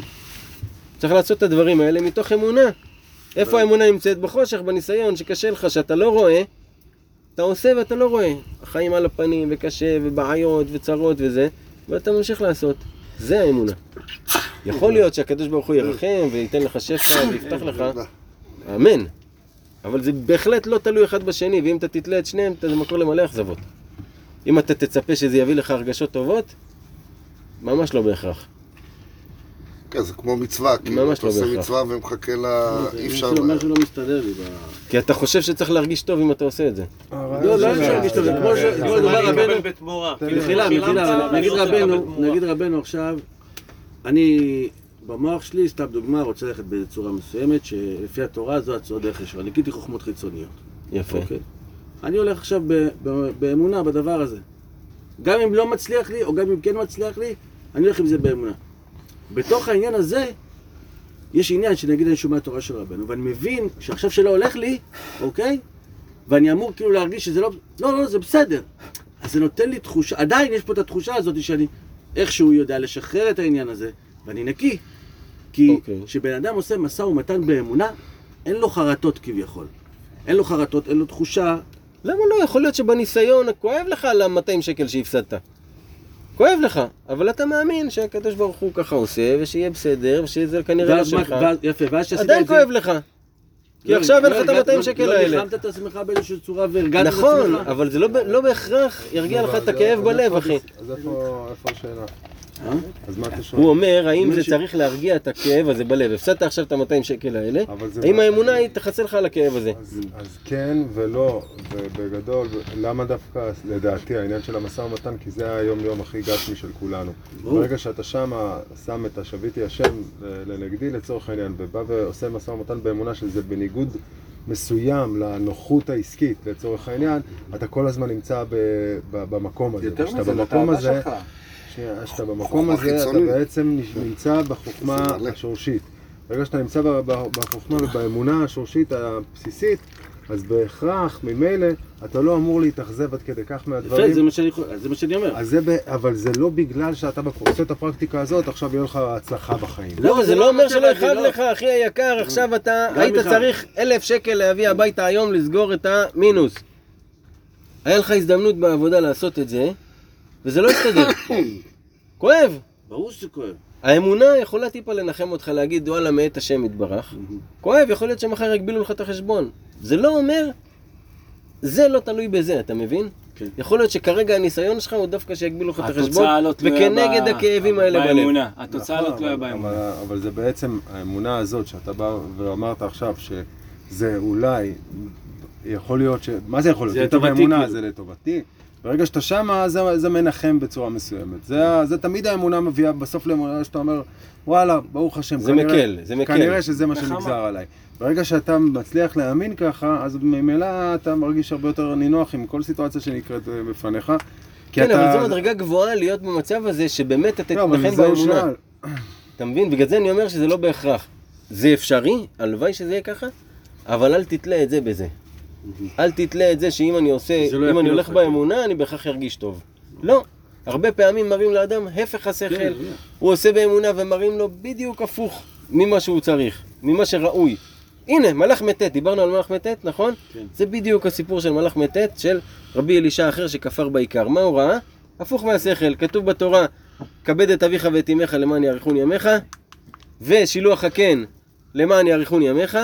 הוא ראה ילד שמכבד, אבא שלו אומר לו תעלה לעץ, תשלח את הקן. הילד כיבד את אבא שלו, עלה לעץ. שילח את הקן, עשה שתי מצוות שאריכות ימים עליהם, נפל ומת. נגד השכל. אז אלישע אחר היה צריך להאמין.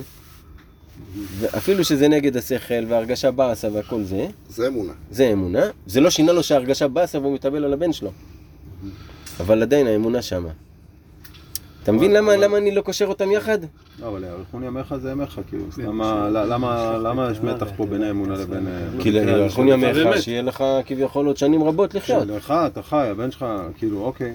לא, הילד כיבד את אבא שלו. היה אמור להיות לו אריכות ימים. הילד.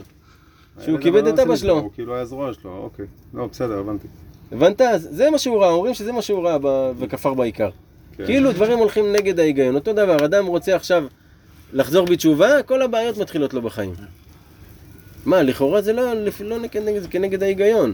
כולם אומרים לך, המטיפים אומרים לך, אם תחזור בתשובה, יסתדר לך החיים, תשמור שבת, אתה תהיה מבסוט.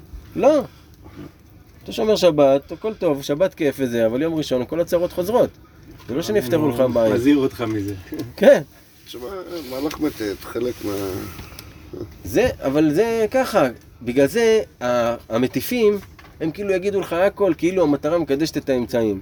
לא, אבל על פי האמת, זה לא ככה, למה תעבוד על הבן אדם? אתה מבין? כי אחר כך כשהוא יראה שלא טוב לו, והוא אומר, וואו, חזרתי בתשובה בשביל שיהיה לי טוב, ולא טוב לי. אז מה אני צריך את זה? לא, שוב פעם, לחזור בתשובה בשביל שיהיה לך טוב, זה מסכם את העולם הזה. אנחנו חוזרים בתשובה לא בשביל שיהיה לנו טוב, אלא בגלל שזה התכלית שלשמה באנו, ובסופו של דבר, למקור חוכמה. נגיע לעולם הבא ושם נמשיך את העניינים. יש לך נקודות שלו, של תחושה. כמובן, הזאת, כמובן. כמובן, רק אני אומר.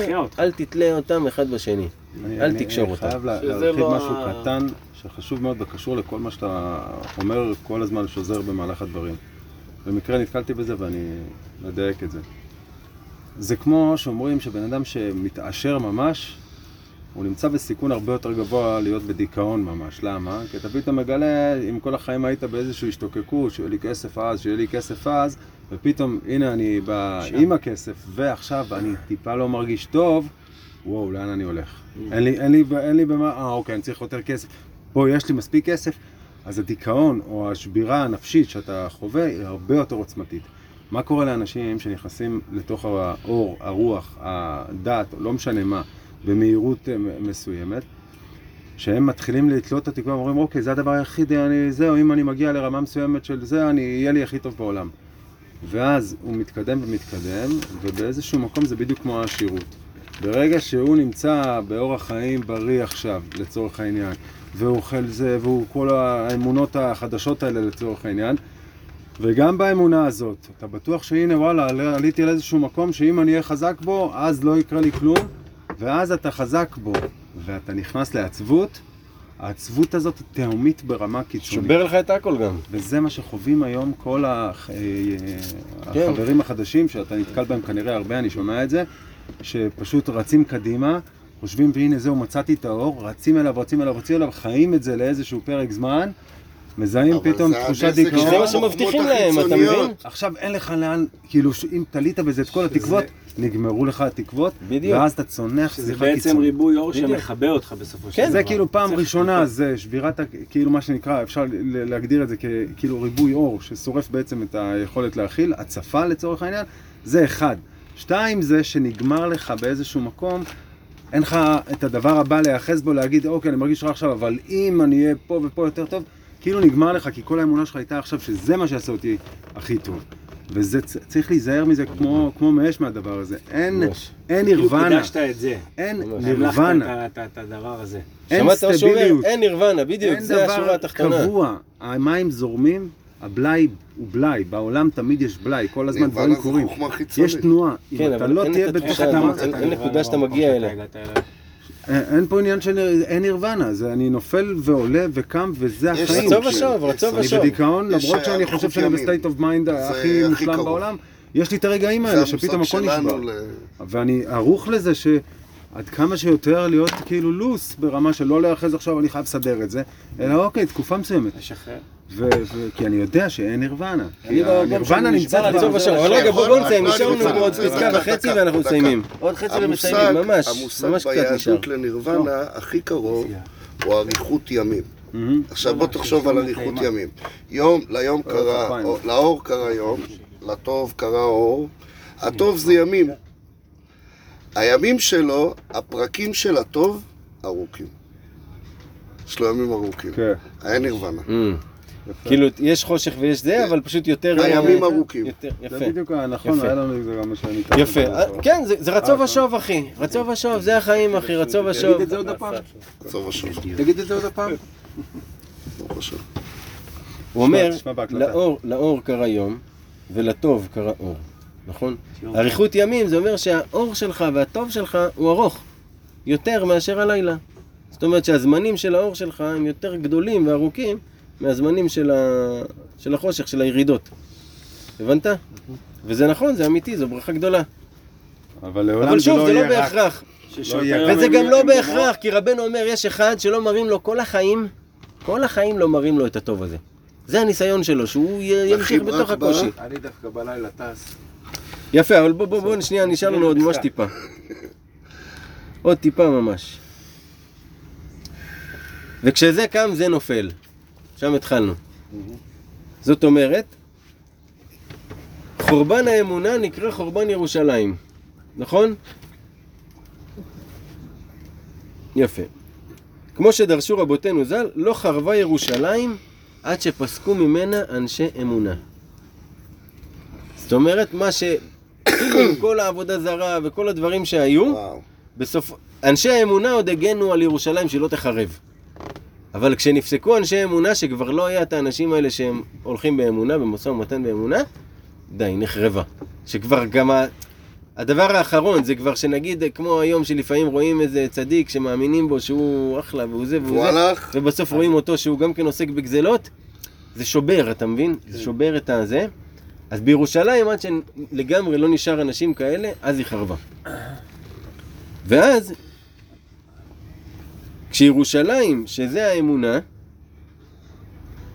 שזה המשא ומתן שהוא פשט התורה מתגבר, זאת אומרת, אם קורה מצב הפוך, שהאמונה עכשיו מתגברת, אז הצד השני נופל, שזה האמונות הזרות, שזה החוכמות החיצוניות, שזה העכו"ם, שזה הכוכבים ומזלות. הרי כמה שזה נסתר מאיתנו, אבל כל הגויים וכל האמריקה וכל הממשלות וכל הזה, הם עובדי עבודה זרה, והם מתזמנים את הדברים לפי הכוכבים והמזלות. הם לא אומרים לנו את זה, כדי שלא נדע ונגיד שהם משוגעים, אבל כל מה שהם עושים זה לפי הכוכבים והמזלות, הם מכוונים את זה כפי חוכמות מצרים העתיקה. והאמונה מפילה את זה. הבנת? האמונה האמיתית, המשא ומתן באמונה של האנשים הפשוטים, מפיל את כל המלכות הרשעה וכל העבודת כוכבים ומזלות שלהם. כי כשזה קם זה נופל. ועולים ממנה כל הניצוצות הקדושים שבתוכם 11 סממני הקטורת. וזה שאמרו חז"ל, שלושה מצוות נצטוו עם ישראל בכניסתם לארץ. שלוש מצוות. אחד, העמדת מלך. שיעמידו מלך מישראל, דווקא. שתיים, שזה מלך מישראל, קודם כל זה אומר שהמלכות היא צריכה להיות בנויה על אמונה. דבר שני, אנשים שהם ספק יהודים, כמו אלה שראשי ממשלות שלנו, ספק גדול אם הם יהודים בכלל, אם תחקור אחורה על ההורים שלהם. זה גדל במנזר, זה גדל לא יודע איפה, זה הגיע לא יודע מאיפה. ספק בכלל אם הם יהודים. אסור לנו להמליך עלינו מישהו שהוא לא באמונה. אז אחת המצוות שהייתה, הראשונה, לה- להעמיד עלינו מלך שהוא מזרע ישראל, שהוא אה, מהאמונה. השני, כריתות זרעו של עמלק. להעלים את עמלק מהעולם. זה המצווה השנייה בכניסה לארץ. והשלישי, בניין בית המקדש. לבנות בית המקדש כדי שיהיה האור, יהיה לו איפה לרדת. אז אחד, זה לשים עלינו מנהיג אמיתי. שתיים, להכרית את עמלק, זה כל החוכמות החיצוניות. שלוש. לבנות בית המקדש. בדיוק. והא והא טליה. כי העמדת מלך היא בחינת אמונה, כנ"ל. וכריתות זרעו של עמלק, זה הניצוצות שעולים מבין העכו"ם. בבחינת 11 סממני הקטורת. ובניין בית המקדש הוא אור הפנים, שהוא חידוש המוחין, חידוש הנשמה, כמו שאמרו חז"ל, מי שיש בו דעה כאילו נבנה בית המקדש בימיו. אז זאת אומרת, כשאתה רוצה להיכנס לארץ, תעשה את השלוש בחינות האלה. זאת אומרת, כשאתה רוצה להגיע למקום הטוב, מה כל הקטע של הארץ? ש... לארץ המובטחת, כאילו ששם זה ה... הגאולה כביכול. אתה רוצה להגיע למקום של הגאולה שלך, זה הדברים שאתה צריך לעשות. ט', פסקה ט', זה ארץ הקודש. כן. זה פסקה אחרונה. וזה החשמל, לא, נשאר עוד פסקה ועוד פסקה אחת קטנה. זה החשמל הנעשה מבחינת ודובר אמת בלבבו, כמו שאמרנו, ומלביש לאמונה. שימו לב שהתורה הזאת היא גם שונה במבנה שלה. שרבנו פתאום אומר פסקה, ואז אחר כך חוזר לדבר עליה שוב פעם, להרחיב עליה. וזה בדרך כלל לא דבר שרבנו עושה, רבנו מביא דברים אה, מסודרים ואז בונה איתם. פה רבנו אומר משהו, ואז חוזר להרחיב עליו. כמו פה. זאת אומרת, אותו חשמל שדיברנו עליו בפסקה ז', הוא בחינת רצועות. רצועה. כי רצועות הם מקיפי המלכות. תפילין. היינו האמונה. וזה שאמר רב לרב שמואל בר שילת, כתמחה לינוקה לא תמחה אלא בערכתא דמסנה. כשתרביץ לילד, תרצה לחנך אותו, אל תרביץ לו, אלא עם שרוך הנעל. זאת אומרת, לא עם חגורה כואבת וזה, אלא עם השרוך של הנעל, עם משהו עדין כזה, תיתן לו, רק לחינוך, לא באמת ש... אז, אז עכשיו, על, זה, על המאמר הזה רבנו מפרש את זה. תמחה זה לשון טהרה. ינוקה זה המאור הקטן, ינוקה זה ילד, זה המאור הקטן, שהוא בחינת שינה. לא תמחה אלא בארכתא דמסנה. ארכתא דמסנה זה רצועות של תפילין, למה? כי יש מאמר אחר שכתוב שבשכר שאמר אברהם אבינו לאבימלך אה, אם מחוט ועד שרוך נעל לא תאמר אנוכי השארתי את אברהם. זאת אומרת, כש, כשאברהם אבינו הציל את אה, כל ה... את הממון של אנשי סדום, מלחמה במלכים. כן, אז רצו לתת לו הרבה כסף, אמרו לו תשאיר את הכסף אצלך, הוא אמר אני לא רוצה מחוט ועד צרוך נעל, לא רוצה לקחת ממך, שלא יגידו שאתה נתת לי כסף ואתה הפכת אותי לעשיר. הקדוש ברוך הוא יהפוך אותי לעשיר. בזכות האמרה הזאת של אברהם אבינו, הוא זכה לשתי מצוות. אחד, זה רצועות של תפילין, והשני זה הציציות. הוא עשה משא ומתן באמונה. בדיוק, הוא אמר, אני לא רוצה, לא אתה תיתן לי את הכסף, הקדוש ברוך הוא ייתן לי את הכסף. למה זה היה כסף של סדום. אז, אז אה, הוא אומר, זכה לחוט של תכלת בציצית, כי מי ששמע את הפרשה ידע שהציצית עוד הייתה קיימת עוד לפני בכלל. כל החידוש שהצטווינו עליו זה הפתיל תכלת. כן. החידוש הוא הפתיל תכלת, לא הציצית עצמה. ציציות עוד היו קיימות לפני מתן תורה בכלל. אז הוא זכה לזה ולרצועות של תפילין. ותרגום שרוך הנעל זה ארקתא דמסנה. כמו שאמרנו שכשתרצה ל- להרביץ לילד, תרביץ לו עם השרוך של הנעל.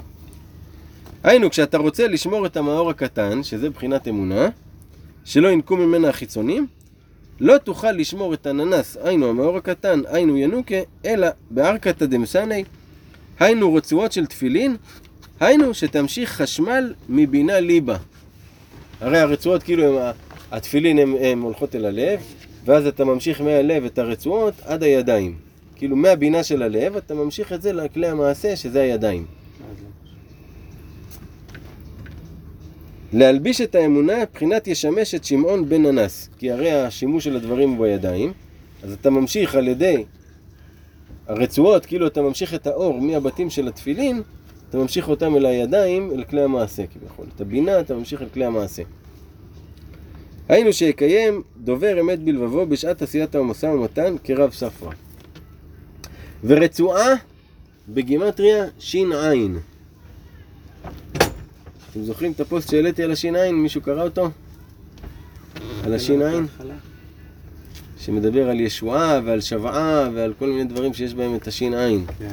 מלא מלא מילים שקשורות אחת בשני. לרמוז שעל ידי החשמל הזה שהוא בחינת דובר אמת בלבבו, נשמר האמונה, היינו הנשמה, היינו המוחין שבתוכה ומקבלת מאור הפנים שהוא ש"ע נהורין. ש"ע זה 370 אורות של הפנים העליונים הנמשכים מתיקון ואמת כידוע. וזהו שאמר, זאת אומרת, מה שהוא אומר כאן, למה דווקא ש- 370? אה, מלא זמן שאלתי את עצמי את השאלה הזאתי, בסוד האותיות הוא מסביר שמה, אני עוד לא יודע את זה לחשב את החישוב בדיוק, אבל הוא מסביר בדיוק איך בסוד האותיות זה מגיע בסופו של דבר ל-370. אני לא יודע להגיד את זה בעל פה. אבל זה ידוע שיש 370 אה, אורות עליונים. גם שעה היא בעצם על שם זה, ש"ע, ה'. אה, ושוב, ישועה זה זה, ושבעה זה זה. ושמע זה ש"ע עם מ' באמצע. שבע זה ש"ע עם ב' באמצע. יש ממש הרבה מילים שהן קשורות אחת בשני עם ש"ע. וזהו שאמר דקרי קרי ודלא קרי להווה צוותא לחברו. תראה איזה יופי. עכשיו, באותו מאמר גם כתוב דקרי קרי דלא קרי להווה צוותא לחברו. זאת אומרת, מי שיודע לקרוא וללמוד, שיקרא וילמד. אבל מי שלא, שיהיה צוות לחבר שלו שיודע. כמו מעשה של יששכר וזבולון. שזה שיודע לעסוק במשא ומתן. יפרנס את זה שיודע לקרוא וללמוד. כי הדבר קשה. בסדר, מה שאמרנו על, ה, על מנוחת המוחין, מי שהוא יודע ללמוד והוא לומד כל הזמן, אז המשא ומתן באמונה זה מנוחה בשבילו.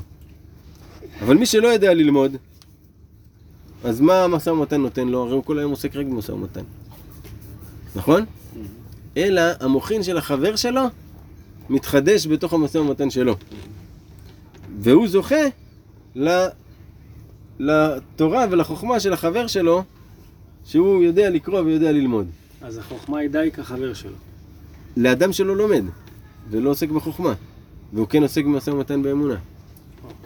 זה כאילו, אם אדם לומד ועוסק בחוכמה, ואחר כך הוא עוסק במשא ומתן, זה מחדש לו את המוחין. אבל אם הוא לא, והוא רק עוסק במשא ומתן באמונה, אז המוחין של חבר שלו מתחדשים שם, והוא זוכה ל...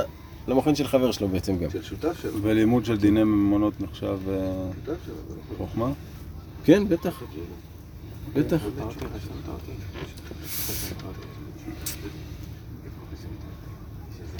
אזי טובה לו שנתחדש שכלו בתוך האמונה ויהיה לו מוחין חדשים ללימוד ולדבקות הבורא.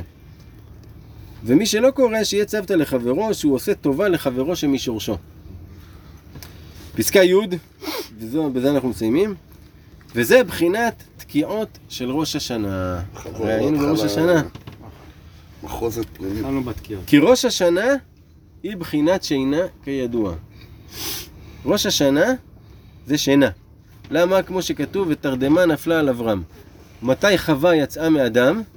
מתי הקדוש ברוך הוא הוציא אותה? כשהוא הפיל תרדמה על אדם. זאת אומרת, הדברים הטובים באמת קורים לאדם בזמן שהמוחין שלו לא נמצאים. כמו שאמרנו, שהשריר גודל בזמן מנוחה, הדברים הטובים קורים בזמן המנוחה ולא בזמן הלחץ. בזמן הלחץ אתה עובד, ואז הדברים קורים. אז uh, התקיעות של ראש השנה, הוא אומר לך, ראש השנה זה בחינת שינה. כי באמת בראש השנה אנחנו עסוקים כל הזמן בתפילות, בזה וזה וזה, אנחנו כאילו לא במוחין שלנו.